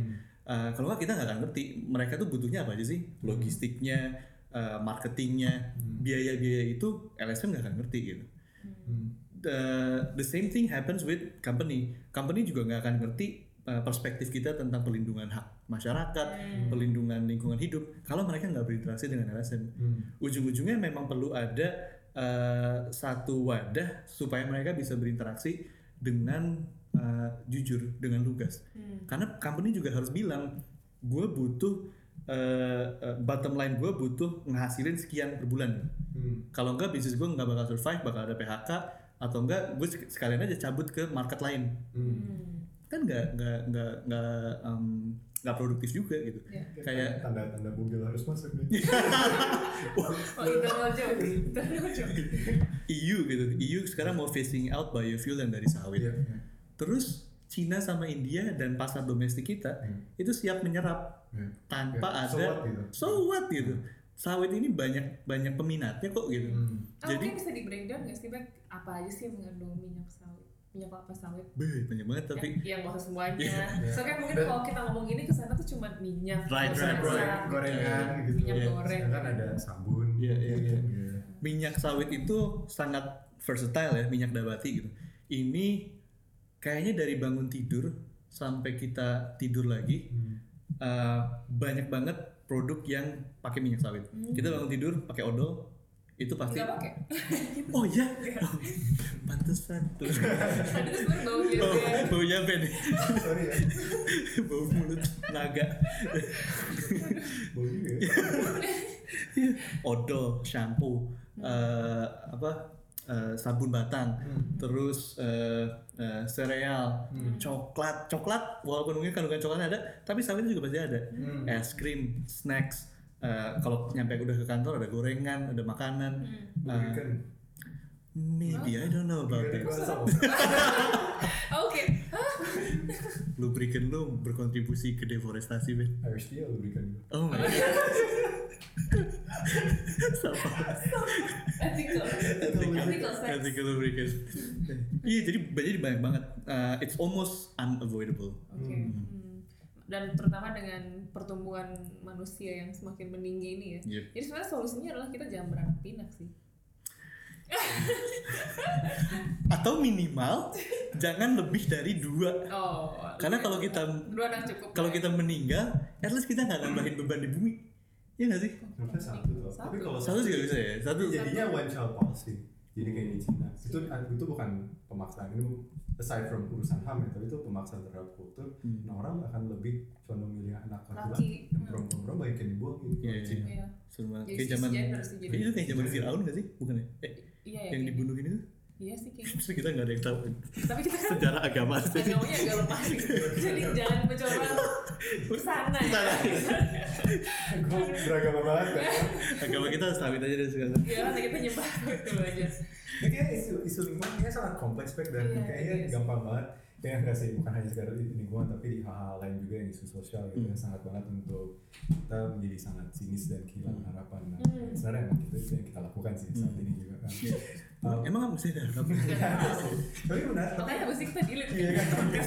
tapi mungkin nggak tahu mungkin ah, is there hope gitu Se- seriously kayak pengen Apalagi ada RSPO tadi Iya, ya. RSPO, apakah itu harapan? Apa? Apakah Tapi itu kita solusi? Apakah kita juga nggak kita nggak mau meromantisir si RSPO ini ya, Hmm. karena tahu banyak complexity dan juga akhirnya banyak perbedaan pemahaman dan antara Hmm. perusahaan-perusahaan mungkin antara mungkin masalah accountability dan transparansi itu menjadi gitu. sesuatu yang menarik. But, um, eh, kita melihat Indonesia saat ini uh, kemarin juga gue sama Rara habis ke lapangan juga kan yang melihat dampaknya secara Hmm, langsung hmm. gitu kan ya kayak Feeling lu apa pas ngeliat gitu? kayak nggak Ah, mungkin kita ada. shock banget bagaimana masyarakat di Pekanbaru menormalisasi isu Iya. lahan, konflik lahan. Iya. Menormalisasi juga ya. Iya, itu tuh benar, benar-benar di depan mata, Beth. Jadi kayak eh, jadi kan kalau lihat cerita-cerita yang diangkat sama teman-teman yang peserta Kelana Pekanbaru kemarin, itu kan isu-isu lahan yang benar deket dengan mereka gitu. Hmm. Masalah tumpang tindih lahan, terus masalah apalagi kemarin ya deforestasi lah Hmm, kayak gitu. hmm. Tapi deket gitu, mungkin dalam range 30 menit udah dapat cerita itu semua. Bahkan Hmm. kita tuh merhatiin banyak lahan atau gedung yang sia-sia gitu, yang mau bazir Hmm. karena satu kesalahan atau tumpang tindih kepentingan Hmm. kita kayak wah banyak banget ya ini kosong ini buat apa pak nanya supir apa gitu ya pokoknya bangunan milik publik gitu Hmm, Hmm. tapi nggak kehilangan fungsi publiknya kita nanya ini kenapa oh iya sempat di aca- buat acara opening apa terus sekarang nggak dipakai buat apa-apa ya pemerintah bangun di sini gedung banyak Mangkrak. miliaran tapi Hmm. ternyata itu bukan tanah milik mereka Iya. oke. terus ada yang menarik yang mungkin kalau kamu lihat yang wisuda di tanah sengketa cerita Oh, jadi dia cerita tentang bagaimana satu lahan bersengketa dan ada gedungnya juga bersengketa Iya. padahal ini universitas gitu hmm.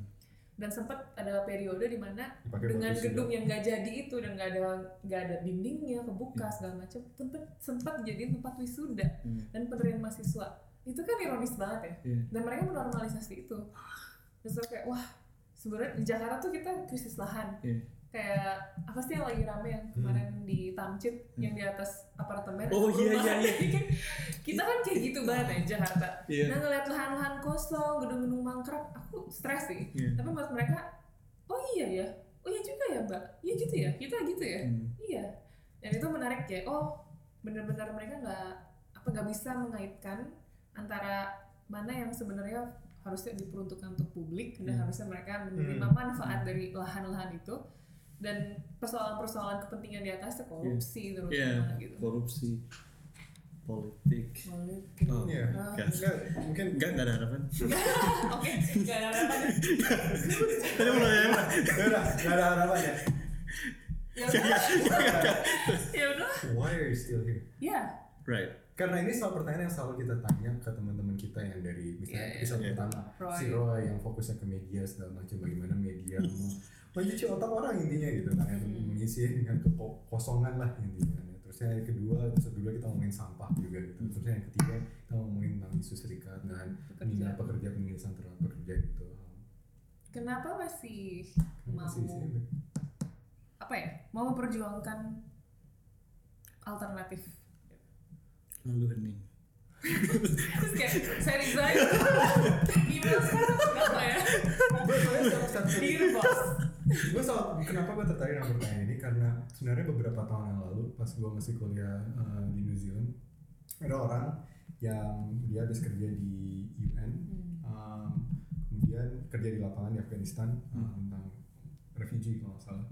Um, saya udah dia ngeliat ini semua penghancuran um, budaya masyarakat sendiri dibunuhin segala macam. Terus saya di ya Allah Hmm. dan udah nggak ada harapannya gitu. Ya, akhirnya suatu, suatu hari dia berhenti dan Eh, dia kena PTSD. ya, dia kena PTSD Oh. juga post traumatic Wow. stress disorder gitu terus saya akhirnya dia mempertanyakan gitu dia selalu mempertanyakan why people yang kerja di bidang-bidang kemanusiaan di sosial segala macam kenapa mereka masih di sana Hmm. some of them are there because karena mereka sudah terbiasa ya sama itu semua new norm. That is scary. Are you- so scary. dan dari tadi kan kita menormalisasi gitu. Hmm. Are you here because you've normalized your life in such a way? I think I think I'm waiting for I'm waiting for a couple of small wins Yeah. just to see a glimmer of hope. Oke. Tapi kalau kita bicara eh, apa big picture-nya gitu, masalah perubahan iklim aja, Iya ya, itu sama. eh, udah ada seruan gitu dari dari ribuan ilmuwan Iya. dari seluruh dunia. Mereka tergabung di eh, IPCC namanya, Intergovernmental Panel on Climate Change. Eh, kalau kenaikan suhu bumi terus di trajektori yang sekarang dan melebihi dari 2 derajat Celcius, Hmm. lalu beberapa waktu lalu mereka merevisi angkanya adalah batasnya adalah satu setengah derajat Celcius. Hmm. Kalau lebih dari satu setengah derajat Celcius kenaikan suhu bumi, eh, dampak-dampaknya irreversible. Hmm. Eh, produksi pangan akan lebih turun Iya. karena heat, eh, kenaikan eh, permukaan suhu eh permukaan laut, eh, massive die off of species, Hmm. eh, coral bleaching dan lain-lain. Pokoknya green banget. Hmm. Dan trajektori kita sekarang itu nowhere near to stop that rising of temperature. Hmm. Ibaratnya kita kita uh, pakai mobil driving 250 km per jam, uh, ada tembok jaraknya cuma 10 meter, terus lu harus ngerem. Hmm. It's almost impossible. Uh, tapi lagi-lagi banyak orang yang gerak di bidang ini. uh, mereka melakukan berbagai macam upaya untuk mempertemukan antara dua uh, kubu ekstrim ini ya. Hmm. Uh, the appetite, the appetite for growth. Pokoknya economic is is uh, is the is the king. Uh, dan aspek-aspek pelindungan lingkungan ini bahwa ekonomi ini bisa jalan loh tanpa harus emitting that much carbon. Hmm. Yang dinamakan pembangunan rendah karbon. Ini konsep konsep dasar dari pembangunan berkelanjutan. Hmm. Mereka nyari small wins. Hmm. Gue bakal sangat happy kalau bisa naruh uh, sustainable palm oil products Hmm. on the shelf of Indonesian supermarket. Jadi sekarang belum Belum ada, belum ada si labelnya. belum ada labelnya yang bisa dengan memudahkan uh, konsumen untuk milih produk yang Si mengandung uh, certified sustainable. padahal udah ada kan kayak apa tuh kemarin kamu ngasih tau beberapa brand kan. Mm-mm. Yang Padahal banyak RSPO gitu. banyak banget juga brand yang sudah uh, sourcing dari uh, perusahaan yang memproduksi certified sustainable palm oil. Hmm. Tapi gara-gara uh, narasi sekitar sawit ini sangat toksik Iya. uh, di Eropa sawit itu kan jadi sesuatu yang uh, Jahat. jahat banget. Uh, it's it becomes the face of uh, environmental destruction Ya. sawit di Eropa gitu. Uh, akhirnya banyak konsumen yang memilih untuk completely cut off Hmm. uh, sawit altogether. Akhirnya si produsen-produsen ini juga kan mereka ngeliat pasar ya. Mereka nggak mau nempelin label yang bahkan ngomong bahwa sawit ini sawit yang baik loh, sawit yang diproduksi dengan baik loh. Karena lebih baik mereka cabut labelnya supaya orang nggak tahu di dalamnya ada sawit. Gitu Hmm. Oke. akhirnya ini jadi satu lingkaran setan di mana kita harus ngeyakinin konsumen bahwa mereka harus beli yang baik tapi yang baiknya tidak ada di shelf Hmm. jadi akhirnya eh, kucing-kucingan antara narasi sawit itu buruk dan harus ganti ke eh, edible oil lain dan narasi yang eh, menurutnya men- menurut saya kok menurut jadi saya sih I need oke it- Right. Kalau menurut gue yang lebih fair ya itu tuh eh, lebih baik kita dorong na- narasi sawit yang berkelanjutan, sawit yang lestari gitu. Nah, pasti pernah berhadapan dong dengan aktivis-aktivis lingkungan yang yang sangat apa ya em, hitam putih lah bisa Hmm. melihatnya sawit tuh nggak boleh Hmm. dan sangat merusak lingkungan. Hmm. Tapi sebenarnya alter emang ada alternatif. Ada nggak sih alternatif yang diajukan oleh teman-teman aktivis lingkungan yang anti sawit 100%? Yang Ini- sebenarnya kalau di pursue dalam waktu 10 atau 20 tahun ke depan mungkin bisa juga dieksplor sebagai alternatif. Utopia. Iya, utopia. Ada nggak sih? You know what? Surprisingly ya, ini gue coba recall. Tapi kayaknya gue belum pernah berhadapan sama aktivis lingkungan Hmm. yang gerak di isu sawit yang sebetulnya menolak sawit. Oh, jadi mereka malah Surprisingly. produksinya. Iya, bahkan organisasi kayak eh, Greenpeace, WWF yang sangat keras. Iya. Mereka kalau eh, baru-baru ini baru protes, mereka eh, climbing ke kilang sawit Hmm. punya salah satu perusahaan gitu. Mereka sendiri kalau kalian lihat juga di websitenya, itu mereka mendukung produksi sawit yang berkelanjutan. Oh, oke. Tapi lagi-lagi narasi yang sangat kompleks ini bahwa sawit itu buruk tapi karena produksinya loh gitu.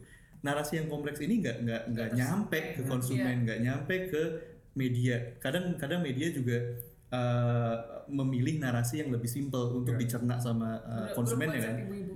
Bisa. oh, Karena my yang nyampe di grup WhatsApp ibu-ibu gitu atau lingkaran instastory ibu-ibu itu anti sawit. Mari kita gunakan minyak kelapa dari tetangga. Ya sebenarnya nggak apa-apa juga ya. Karena Iya.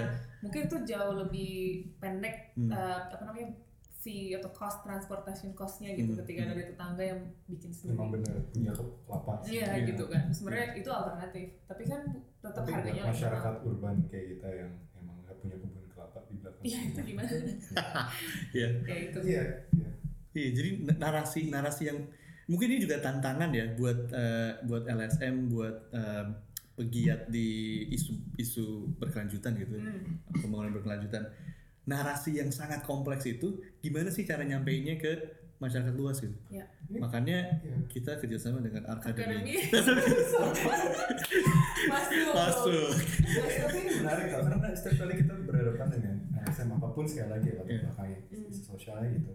Kayak kayaknya semua LSM tuh lagi mengalami sebuah apa ya hambatan yang sangat besar untuk mengkomunikasikan Hmm. ya ide-ide mereka gitu Hmm. atau pemahaman-pemahaman mereka tentang apa pun yang mereka lah mereka dalami gitu. Mungkin Kayak karena there's apa this disconnect aja gitu antara kalian yang emang pemerhati ini dengan masyarakat dan Iya. akhirnya masyarakat benar nggak tahu Ya, berarti kan sebenarnya advokasi yang dilakukan selama ini tidak sepenuhnya efektif. Iya. Pendekatan pendekatan advokasinya berarti Sepakat. yang harus di dipikir ulang adalah itu gitu. Iya, Hmm. Sebenarnya itu kan sulit juga karena ketika latar belakang kita misalnya sosiologi gitu yang atau uh, botani atau apa gitu kehutanan yang sangat fokus ke isunya. Iya. Sedangkan kan ini kan communication ya, maksudnya Iya, sebenarnya lebih betul. tentang Iya. marketing, branding yang Iya. yang kita kurang punya pengalaman di bidang itu Iya. gitu. Nah, Ini Ya mungkin visual. Gitu. ini aja gue udah gue udah melanggar eh, kesepakatan yang yang yang yang gue eh, buat juga sama kantor gitu Hmm. karena kita sebetulnya udah mulai sepakat untuk menggunakan kata-kata yang non jargon jadi misalnya The Guardian itu kemarin baru merilis editorial eh, guideline barunya Iya. untuk mengubah eh, terminologi climate change perubahan iklim Crisis. jadi climate crisis. Jauh lebih mudah dipahami. Kalau misalnya perubahan iklim apanya yang berubah? Dari berubah dari mana ke mana gitu. Iya. kenapa kita harus care gitu? Dengan diubah jadi krisis iklim urgensinya jadi lebih ketangkep gitu Iya. sama sama halayak umum gitu di WRI juga kita kita mencoba untuk membumikan jargon-jargon ini misalnya uh, dari tadi gue bilang sustainable palm oil ya Iya. padahal udah ada uh, himbauan Istilah. juga Hmm. uh, harusnya gue ngomongnya adalah sawit ramah lingkungan dan ramah sosial Panjang banget. panjang banget tapi lebih mudah dipahami tapi banyak orang yang sudah terbiasa dengan jargon-jargon tadi gitu Iya.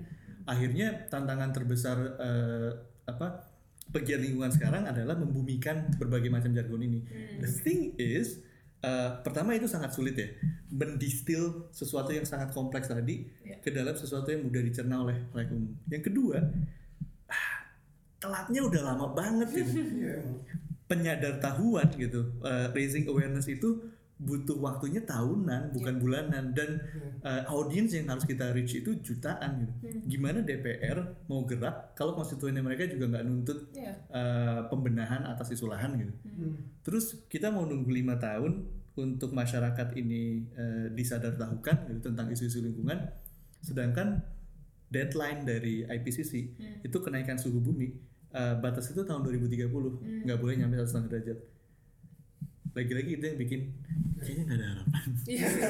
Oke baik, dari tadi lu udah ngomongin tentang uh, pemanasan bumi segala macam, terus habis itu co- coral bleaching lah. Itu by the way coral bleaching adalah pemutihan ya coral.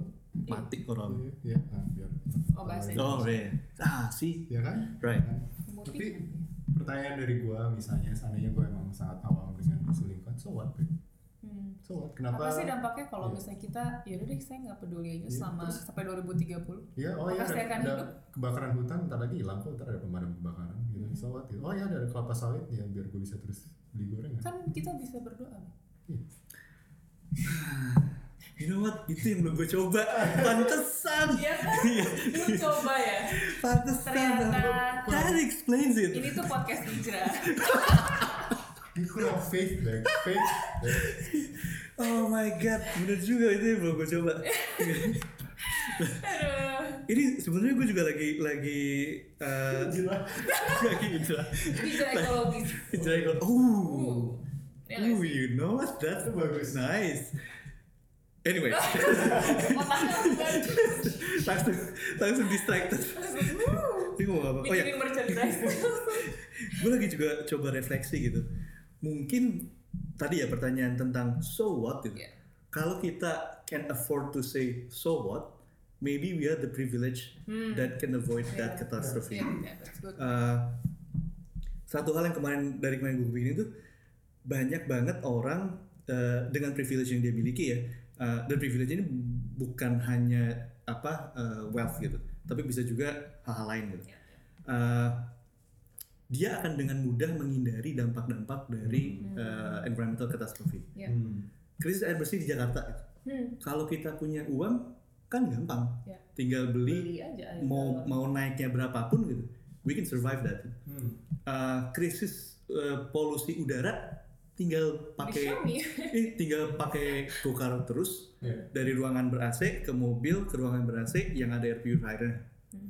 cuman uh, biasanya yang akan sangat terdampak dan nggak berdaya untuk menghadapi ini uh, yang nggak bisa bilang so what they cannot afford to say so what Hmm. the scary thing about uh, krisis iklim adalah uh, ada dispropor disproportionate ada ketidakberimbangan antara yang menyumbang uh, penyebab krisis iklim dengan yang terdampak krisis iklim. Hmm. Contohnya gini, uh, orang kaya yang terbang dengan business class Hmm. Itu porsi emisinya dia jauh lebih tinggi dari orang yang duduk di economy class Ya.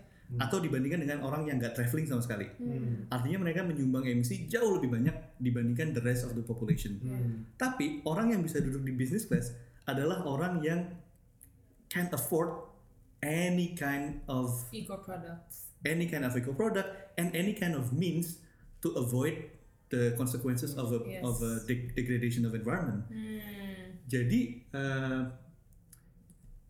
akhirnya ya itu tadi disproportionate tadi akan sangat akan akan makin eh, apa membuka lebar jurang tadi gitu antara yang kaya yang miskin akhirnya jadi isu kelas juga gitu. Intinya yang paling marginal yang akan terdampak oleh krisis. Iya, padahal mereka yang paling innocent Ya. dari yang semua masalah ini. sedikit dan Mas, iya, memberikan dampak. kalau mereka nggak punya uang untuk eh, beli banyak baju, ya jelas dampaknya lebih kecil ke climate gitu. Mereka nggak bisa terbang ya gitu juga. Gitu. Berarti salah satu hal yang harus ditumbuh kembangkan adalah empati ya sebenarnya. Karena kalau kita nggak bisa merasakan apa yang akan dirasain oleh petani yang gagal panen dua kali dari tiga kali panen setahun, Hmm. ya kita nggak akan pernah peduli. Iya. Terus sebenarnya ada relasinya juga sih meskipun nggak langsung kan Hmm. dia gagal panen kita nggak ngedapetin apa yang Iya. kita mau sebenarnya kita bisa makan. Numbuhin empati ini juga eh, problematik ya, Hmm. karena mungkin orang-orang yang sudah bergerak di isu ini sejak lama, seperti tadi kata Ben ya, frustrated Hmm. dengan dengan berbagai macam kompleksitas dan uh, lack of hope gitu. Uh, akhirnya yang keluar narasinya itu sarkas. Ya, Uh, kenapa sih SJW Iya. jadi sesuatu yang uh, buruk. buruk gitu? Ya karena respon mereka tidak uh, tidak untuk mendapatkan empati orang banyak. Gitu. Iya. Hmm. Akhirnya justru emosional juga ya. Emosional juga, tapi di satu sisi Out of desperation sebenarnya. di satu sisi out of desperation Ya, gitu. Karena mereka benar-benar udah nggak tahu lagi gimana cara mengkomunikasikan Iya. kompleksitas permasalahan Iya. gitu. Iya, dan sebenarnya di sini gue kalau boleh cerita sedikit itu alasan gue kenapa nggak main Twitter tau. Iya. Hah? Is that my wife? Oke. Tapi Kenapa namanya itu? Oh karena banyak banyak Enggak, apa, enggak. angry activist. karena gue yang angry. Oh oke. Karena si- I'm seriously angry about the world. Itu gue marah banget tentang keadaan dunia, tentang keadaan Indonesia saat ini segala macam mau dari isu lingkungan, isu ham, isu pekerja segala macam.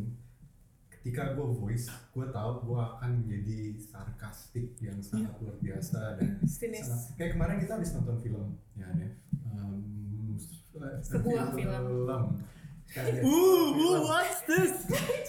sebuah film tapi gue gue sadar gue tuh intoleran terhadap satu hal gue Really? harus akuin yaitu Stupidity. yes gue sadar lah Gue bener. Iya. Oh my god, oke. orang Sangat berarti kenal band banget. benar banget gue kayak gue gue gue gak gue gak bisa berhadapan dengan orang ignorant gue tahu gue gue langsung berusaha memasukkan kacamata sosiologis gue oh ya ini isu ketimpangan mereka nggak dapat pengetahuan yang uh, sama dengan gue misalnya upahnya juga berbeda kualitasnya segala macam. Privilege boy banget ya sih. privilege gitu kan yang gue I can speak English gitu. You know, ya, semua hal gitu ya. Gue paham banget tapi logical emotional yang berbenturan still oh ya I'm quite intolerant towards stupid people Hmm. gitu. And it's very hard to menahan diri untuk empathize gitu Padahal kamu pendidik ya. Padahal Tugas pendidik. kamu tuh harus membuat orang Iya lebih gitu. pintar. Dan itu sangat susah dan Hmm. gue harus akuin ketika gue di kelas segala macam ada misalnya mahasiswa yang mengeluarkan Iya. sebuah kata-kata yang anjay anjing lu goblok banget. Permasalahannya mungkin Mahasiswanya band. kayak gini yang tahu kayak Mas Ben gimana. Sebenarnya kayak kamu tuh alergi bukan sama kebodohan atau ketidaktahuan, tapi bebal. Bebal, Kebebalan. bebal ya, ya bebal. Orang yang udah tahu dia tidak tahu, tapi tetap merasa bangga dengan tidak tahu. Kayak kemarin Iya, iya. kita ke ada acara juga. Kamu bisa nyebut-nyebut gini karena orang-orang terdekat juga. Iya. Pokoknya dia presentasi tentang karyanya lah. Terus dia bilang, Ketahuan dong Ini- kan karya apa? Oh, ya? iya. Karya Oh my god, this is all going to be edited. ya pokoknya karyanya terus dia bilang ini ada beberapa buku-buku yang saya baca ya beberapa ya ini yang saya pilih. Tapi sebenarnya saya tuh nggak suka baca ya gitu. Dan dia Oh. bangga banget dia nggak suka baca. Itu membuat kita kayak wow ini ya maksudnya kita bangga menjadi bebal. Dan, dan itu tuh hal yang dinormalisasi gitu. Iya. Uh, dan rasanya untuk melawan itu kita yang dapet SJW cap-cap SJW kutu buku. Hmm. kalau cuma suka baca buku aja Iya. saya bilang kutu buku gitu kan kayak um, banyak gitu istilah-istilah yang justru Bisa jadi kan bukunya Felixia gitu. iya Bisa jadi bokep. Iya, bisa juga gitu. buku bokep tentu juga. istilah yang aneh banget sih Iya. buku bokep bokep tuh kayak film kurang pas Bokep. bokep jangan buku bokep Gue suka fokus ke satu halaman. Aduh, iya maksudnya kayak gitu sih. Ini kayaknya emang emang benar pas kita awal bicara bahwa kayaknya podcast ini instead of mengerucut akan jadi makin lebar. Iya, iya. Eh, karena gue jadi keingetan mungkin ini juga ada hubungannya dengan eh, fenomena di mana informasi itu dengan mudah berseliweran Iya. dan kita nggak punya daya nalar kritis untuk menyaring. Iya. Ya. Uh, dan lagi-lagi kita mulai menormalisasi uh, kalau ada informasi itu diteruskan bahkan ada keinginan untuk meneruskan paling pertama Hmm. Uh, tanpa melakukan verifikasi segala macam. Iya. Tapi uh, akhirnya ini jadi menurunkan uh, secara drastis nalar pikir kita gitu. Hmm. Um, info-info kesehatan di WhatsApp grup. Seberapa sering sih nerima? Oh ini uh, buah buah AIDS. ini menyembuhkan kanker. Hmm. Terus bulan depannya buah ini penyebab kanker, buahnya sama.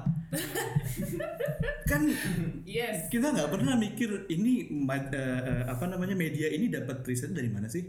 Ada peer reviewnya nggak sih? Metodenya kayak gimana sih? Nggak pernah ada gitu. Tapi lagi-lagi kesadaran untuk berpikir sejauh itu juga eh, Privilege. privilege. Iya. Iya. iya. Tapi So- terutama kan kita masyarakat yang oral ya, maksudnya dalam artian diturunkan secara bertutur. Perlu di, terjadi di, divisualisasikan. terjadi gerakan-gerakan tangan yang kurang yang anodo jadi karena kita bukan masyarakat yang lahir dari Hmm. apa ya literasi gitu Hmm. dalam artian uh, values kita diturunkan secara oral tadi gitu Uh, ada semacam bukan teori pendekatan yang bilang kalau karena kita nggak pernah punya jarak terhadap ilmu atau pengetahuan yang kita terima Hmm. kalau secara diturunkan secara oral kita langsung terima aja kan Iya. jadi baru kita verifikasi setelah kita mengalaminya gitu baru kayak oh ternyata kalau berdiri di depan pintu tetap dapat jodoh tuh gitu kan maksudnya kita Oh, baru iya, iya. nyadar tuh Iya. kayak ketika kita mengalami kehidupan gitu Iya. itu sih katanya salah satu yang mungkin ini lebih secara budaya kultural gitu yang membuat kita sangat reseptif terhadap hoax atau Hmm. um, apa ya penerimaan apa pun tanpa menyaringnya tanpa memverifikasinya gitu. Hmm. itu juga sesuatu yang udah dibangun secara gila generasi dan ratusan tahun mungkin Jadi lagi-lagi butuh waktu tahunan. Iya, ya kiamat dulu lah. Ah, Oke, jadi emang nggak ada hal-hal. Nggak ada sih. wow. Wow. Sebenarnya tadi kayak apa ya? Bisa dimasukin sleeping sleeping. Ya, Gimana, mungkin gimana harapan- caranya kita end in high note ya? Ya mungkin harapannya adalah small wins. Podcast kita nggak pernah. Sih. Nggak, tapi harapan aku setuju banget sih ketika kamu ngomongin small wins gitu. Em, kalau teman-teman di development yang masih bergerak di bidang development padahal udah sangat bleak gitu ya Hmm, hmm. masa depannya, mereka bilangnya pockets of hope, Pockets of pockets of hope. Jadi hope tuh nggak langsung diselimuti it's hope not an ocean of hope. Enggak, it's not an ocean of hope. It's uh, Yes, it's just pockets. tiny little, Tiny little- small pocket. Tiny micro bubbles of hope, which can be vaporized at any time.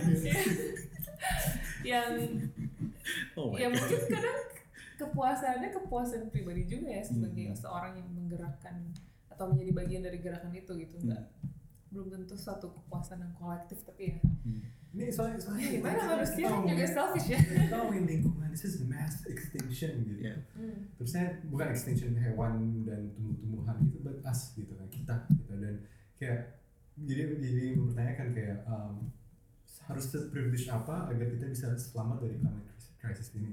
Hmm. Ada yang kayak because surely oke kita gua sama Rana privilege di sini in many ways gitu tapi gue kayaknya nggak yakin deh kalau gue sama Rana akan survive this climate crisis. Yeah. Ya, apalagi kayak krisis air ya Iya, Chris. karena kita tinggal di kabupaten kita nggak punya akses ke PDAM gitu itu aja udah sangat wow kalau terjadi Hmm. kekeringan ya meskipun kita tinggal di kabupaten Bogor Hmm. udah kita nggak punya air Iya. Ti. Ini ini sebetulnya udah dihitung juga sama ilmuwan-ilmuwan itu gitu di IPCC. Semakin lama kita uh, diam atau aksi kita nggak cukup besar, semakin tinggi the cost of avoiding that. Hmm. Jadi mungkin tahun ini uh, middle class masih bisa survive dengan polusi udara ini. Hmm. Lima tahun ke depan mungkin middle class udah nggak bisa ya. udah pakai masker Slipknot semua Iya. di KRL mungkin udah nggak bisa. Mungkin air purifier itu udah uh, nggak bisa uh, menyaring lagi dengan cukup bersih atau sudah se- sedemikian polluted uh, yang bisa survive survive adalah upper middle class di mana mereka bisa pindah misalnya Hmm. ke Singapura atau ke New Zealand gitu. Iya, iya, iya. Tapi uh, semakin lama kita biarin, uh, itu tadi kelas sosial yang bisa bisa uh, menghindari krisis iklim ini akan semakin kecil, semakin kecil, semakin kecil. Hmm. Menurut gua yang lebih tragis dari dari semua pembicaraan ini uh, adalah bukan si mass extinction extinctionnya gitu. Hmm. Karena sama kalau bicara mass extinction extinction gitu, gue nggak kebayang. Iya. Hmm. Gue nggak kebayang Sangat tiba-tiba abstrak gitu ya. sangat abstrak karena it's it's a massive number Iya. massive die off. I haven't seen that, ya. Hmm. but I've seen people commute with this kind of air pollution. Iya. I've seen uh, people yang terpapar uh, uh, kebakaran hutan. Ya. Itu jauh lebih vivid di otak gue, Iya. jauh lebih uh, emosional Hmm. buat gue ngebayangin itu dibandingkan mass Hmm. die off. gitu. What can we do? Apa yang bisa serius kayak apa yang bisa orang biasa yang sama sekali nggak punya relasi dengan politik, sama ya you know, 9 to 5 office job, Iya. sama sekali nggak ada hubungannya sama sekali gitu. Mereka mereka tahu tentang isu politik lewat baca koran atau detik. mereka terpapar tapi mereka terpapar polusi Iya. mungkin punya krisis Segala air macam, di macam. apartemennya di um, kosannya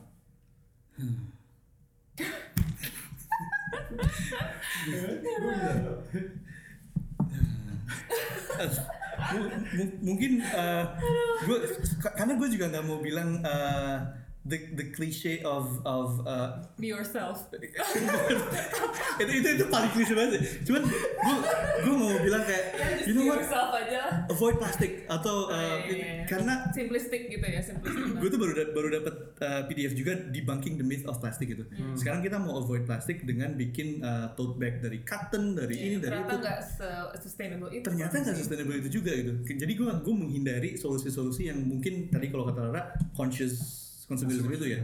Conscious consumerism is is good uh, at least to raise the level of awareness. Iya. Tapi solusi yang dibutuhkan itu sekarang sistemik. Karena yang tadi- eh, seperti yang tadi gue udah coba bilang, uh, it's already too big and too late the problem. gitu. Hmm. Jadi kita nggak nggak nggak bisa solusinya dari uh, conscious consumerism gitu. Hmm. Uh, it's not it's not the way to go gitu. Uh, jadi kalau ditanya apa yang bisa, mungkin ini very basic gitu. Tapi uh, try to be very critical when you hear certain things that are too good to be true.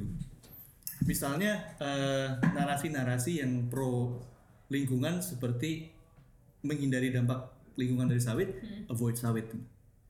You should dig more into that. Iya. Apa betul dengan menghindari sawit uh, lingkungan akan lebih baik? Jangan-jangan enggak ya. Uh, ganti sedotan plastik dengan sedotan apa namanya metal metal atau or bamboo or any kind of itu. Ada ada ada environmental footprintnya juga loh. Hmm. Jadi kayaknya dengan berpikir lebih kritis kita bisa lebih uh, mudah untuk uh, menyaring sebetulnya mana sih yang lebih um, impactful. Sebenarnya pendidikan lingkungan itu ada di sekolah formal nggak sih? Pendidikan seperti ini tentang environmental footprint, tentang karbon emisi karbon, Kayaknya enggak deh. ada ya. Kalau itu dijadiin ada. maksudnya bagian dari kurikulum, setidaknya kita menabung untuk 10 tahun ke depan gitu. Generasi itu akan punya nalar kritis itu setidaknya untuk Iya. tidak langsung menerima atau mengonsumsi atau memproduksi sesuatu yang sebenarnya carbon footprintnya tinggi banget Hmm. atau punya apa ya dampak ekologis yang besar. Hmm. Enggak, pendidikan kita nggak guna. Oh oke. Wah. eh, tapi tapi masalah itu ya gue inget dulu tahun 90-an yang heboh itu adalah uh, masalah lubang ozon ya nggak Iya iya. bukan iya. perubahan iklim kan Bukan. Bukan, tapi itu nyampe sampai ke anak uh, waktu itu mungkin gue masih SMP atau SMA tapi itu nyampe gitu Karena kan kanker kulit kan. Kanker kulit, Kanker kulit segala macam. Iya. dan itu akhirnya berhasil kita atasi secara global Iya. komitmen global jadi terus ngurangin CFC segala macam Uh, akhirnya sekarang lubang ozon mulai mengecil Kecil. I don't know what happened dengan isu perubahan iklim eh, salah krisis iklim Hmm. Uh, ini nggak terjadi Hmm. penyadaran ini nggak nggak semasif dulu waktu masalah ozon solusi globalnya juga Hmm, nggak se- se-strong itu iya, gitu.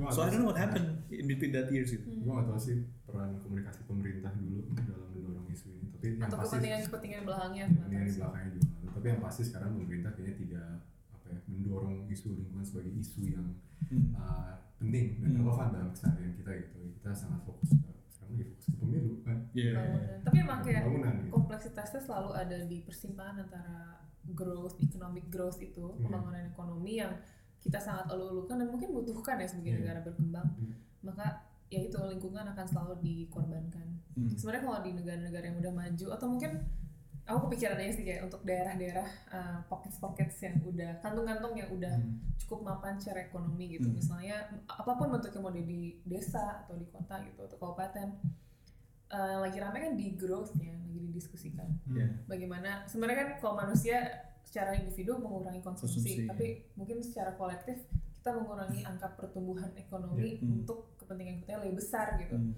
dan di growth ini lagi rame kan di Australia di New Zealand juga tadi Hmm. kita baru baca berita Jacinda Ardern PM-nya bilang apa dia Dia tidak ingin memprioritaskan economic growth.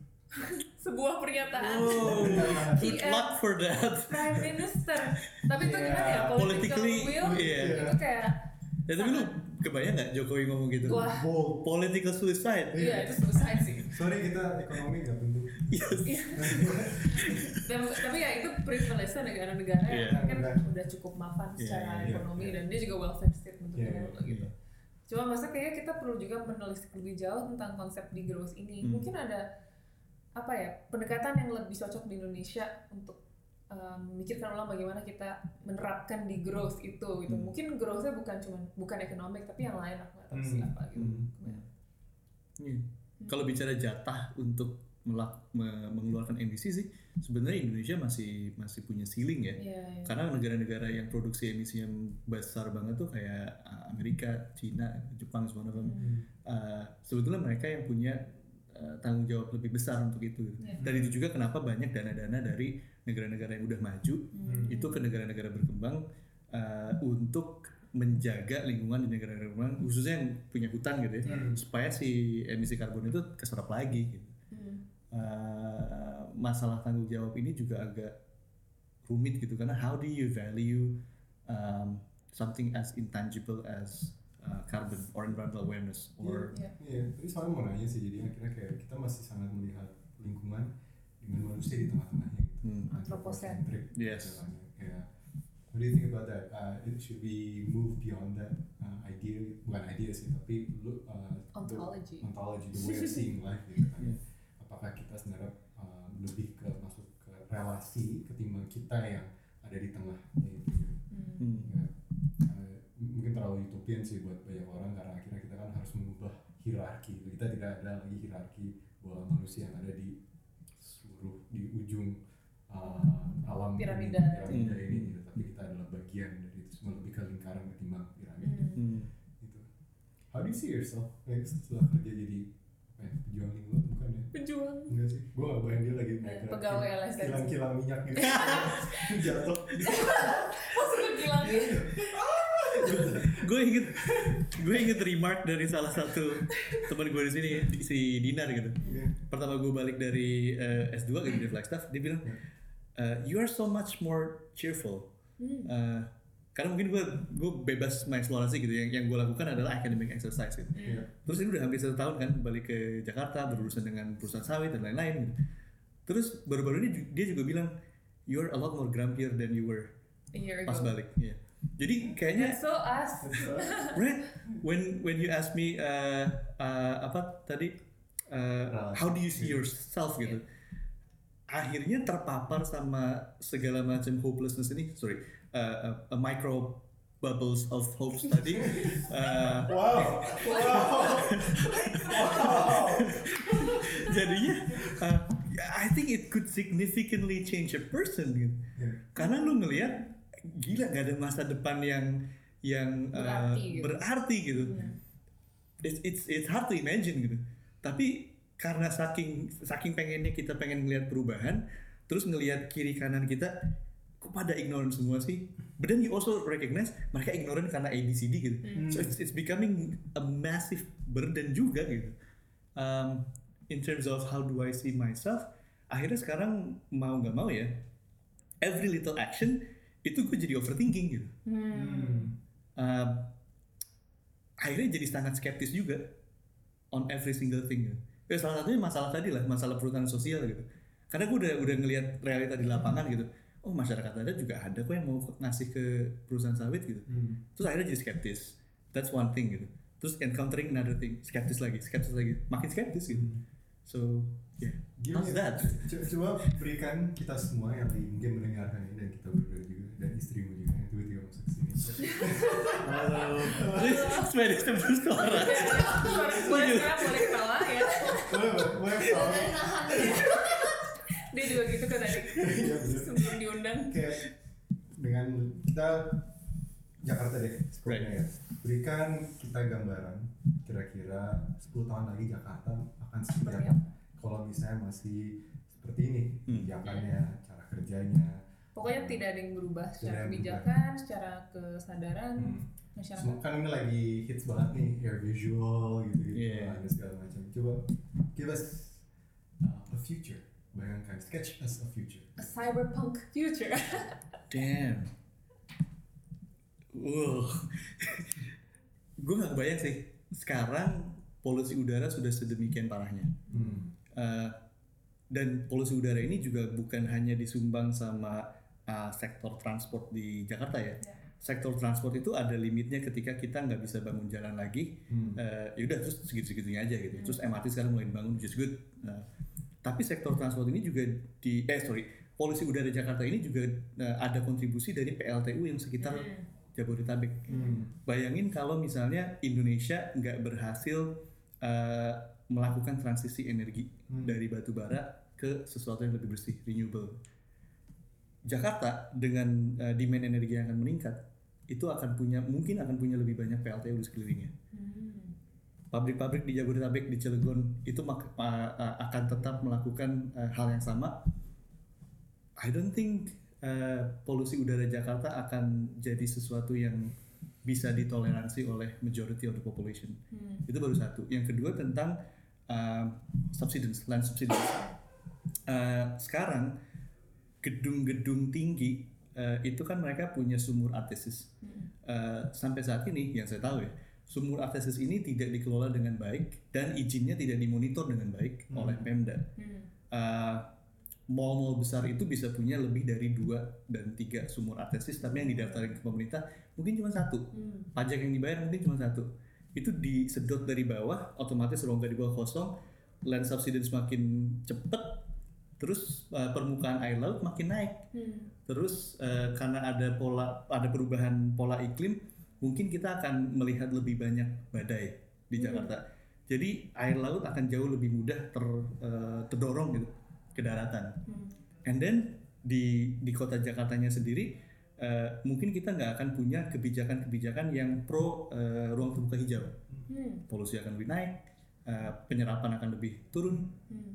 eh, and then kayaknya kamu juga bisa ngomong kayak urban heat island urban heat island juga sesuatu Urban heat urban heat island apa tuh? jadi di perkotaan itu dikenal istilah uh, urban heat island yang menggambarkan uh, pocket uh, Oh, apa, iya. kantong-kantong panas. Iya, iya. karena uh, material uh, pola pembangunan itu tidak mengindahkan kaidah-kaidah uh, yang uh, menurunkan temperatur gitu. Hmm. Kalau kita lihat makin banyak jalan tol itu akan makin tinggi urban heat Hmm. Uh, atap-atap gedung yang terdiri eh, yang yang dibikin dari beton Hmm. itu juga akan menjadi sumber urban heat island. gitu. Hmm. Kalau makin banyak eh, gedung di Jakarta yang di atasnya rooftopnya itu dipakai untuk taman misalnya, itu akan mengurangi urban heat island. Hmm. Ada ruang terbuka hijau akan mengurangi urban heat island. Hmm. Eh, hubungannya sama polusi udara, makin banyak pocket-pocket urban heat island itu microclimate-nya akan jauh lebih kering. Hmm. Dengan udaranya lebih kering, itu kan eh, udaranya lebih ringan. Itu particulate eh, matters, debu yang PM 2.5 yang nyebabin polusi udara, itu akan lebih mudah untuk berkumpul. So it worsen the situation uh, fold and fold and fold. Hmm. So kalau nggak ada perubahan ini bukan bukan perubahan kecil ya. Kalau nggak ada perubahan besar yang dilakukan oleh kota sebesar Jakarta, I don't think it's going to be a livable city in the literal sense. Hmm. In the literal sense. Oke. Eh, tadi kan lu bilang bahwa dampaknya akan berbeda dengan terhadap upper class sama orang yang uh, miskin gitu di bawah. Kira-kira bisa gambarin nggak kira-kira mereka yang di bawah atau lower class ini yang mungkin hidup di uh, kampung Kampung kota, kota. Mhm. atau bahkan di bawah jembatan, Hmm. apa ke mereka dan kira-kira buat mereka yang upper class yang hmm, car free day sekali lari-lari pagi Uh, itu yes. dampaknya apa? Hmm, yeah. Depressing. So untuk untuk uh, kalangan yang di demografik bawah gitu, Hmm. yang they cannot afford uh, a good uh, a good uh, apa namanya shelter untuk menghilangkan mereka dari dari polusi udara dan segala macam. Dampak pertama dampak kesehatan ya, yang paling penting banget. Dampak kesehatan ini uh, costnya akan sangat tinggi bukan hanya uh, untuk orang yang tinggal sekarang, tapi juga mungkin keturunannya, Ya. anaknya mereka terpapar polusi pada saat uh, ibu hamil gitu bisa menyebabkan uh, anaknya asma parah Hmm. bahkan sampai autism uh, dan lain-lain. So we're talking about multi generational impact. Uh, beban ke BPJS-nya tinggi juga Tinggi bos. sekali. Itu yang kedua yang baru gue sebut. Uh, kita nggak sadar kalau ini akan membebani APBN kita. Hmm. multiple folds Hmm. dibanding kita invest besar sekarang untuk memperbaiki semua hal ini. Hmm. Sekarang aja uh, udah jebol kan? Hmm. karena eh, banyak sekali yang tidak kita antisipasi eh, berbagai macam degradasi lingkungan ini ternyata dampaknya juga ke fiskal condition kita gitu. Iya. Eh, kalau misalkan eh, dampak eh, finansialnya, dampak fiskalnya besar, artinya kekuatan fiskal kita untuk investasi ke renewable energy, ke transisi ke pola eh, pembangunan yang lebih berkelanjutan, ini akan jadi jadi lebih kecil juga. Hmm. Lagi-lagi cyclical Hmm. Ya. lagi-lagi ini worsening the situation multiple folds. Hmm. Um, I don't think that kind of future is something that we can um, we can tolerate. Hmm. Hmm.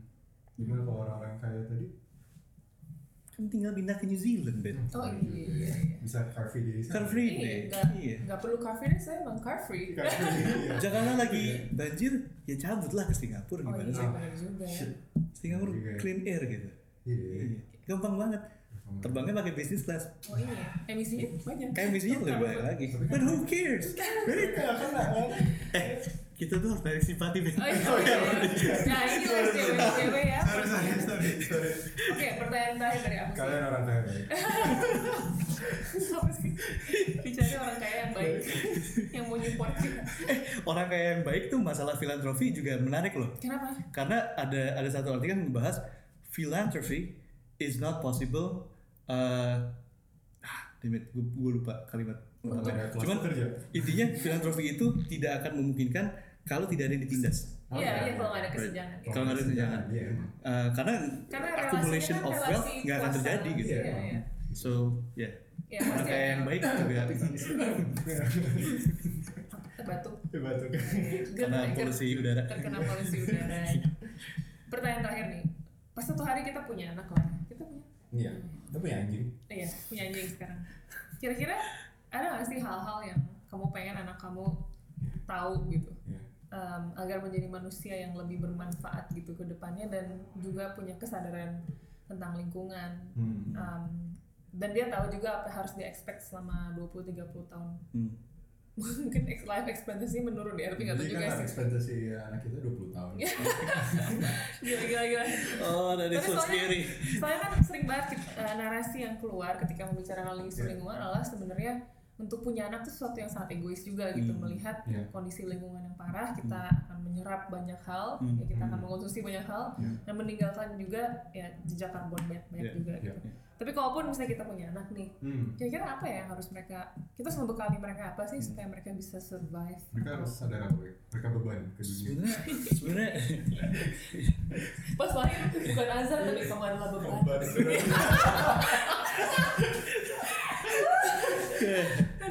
sebenarnya yang penting bertakwa.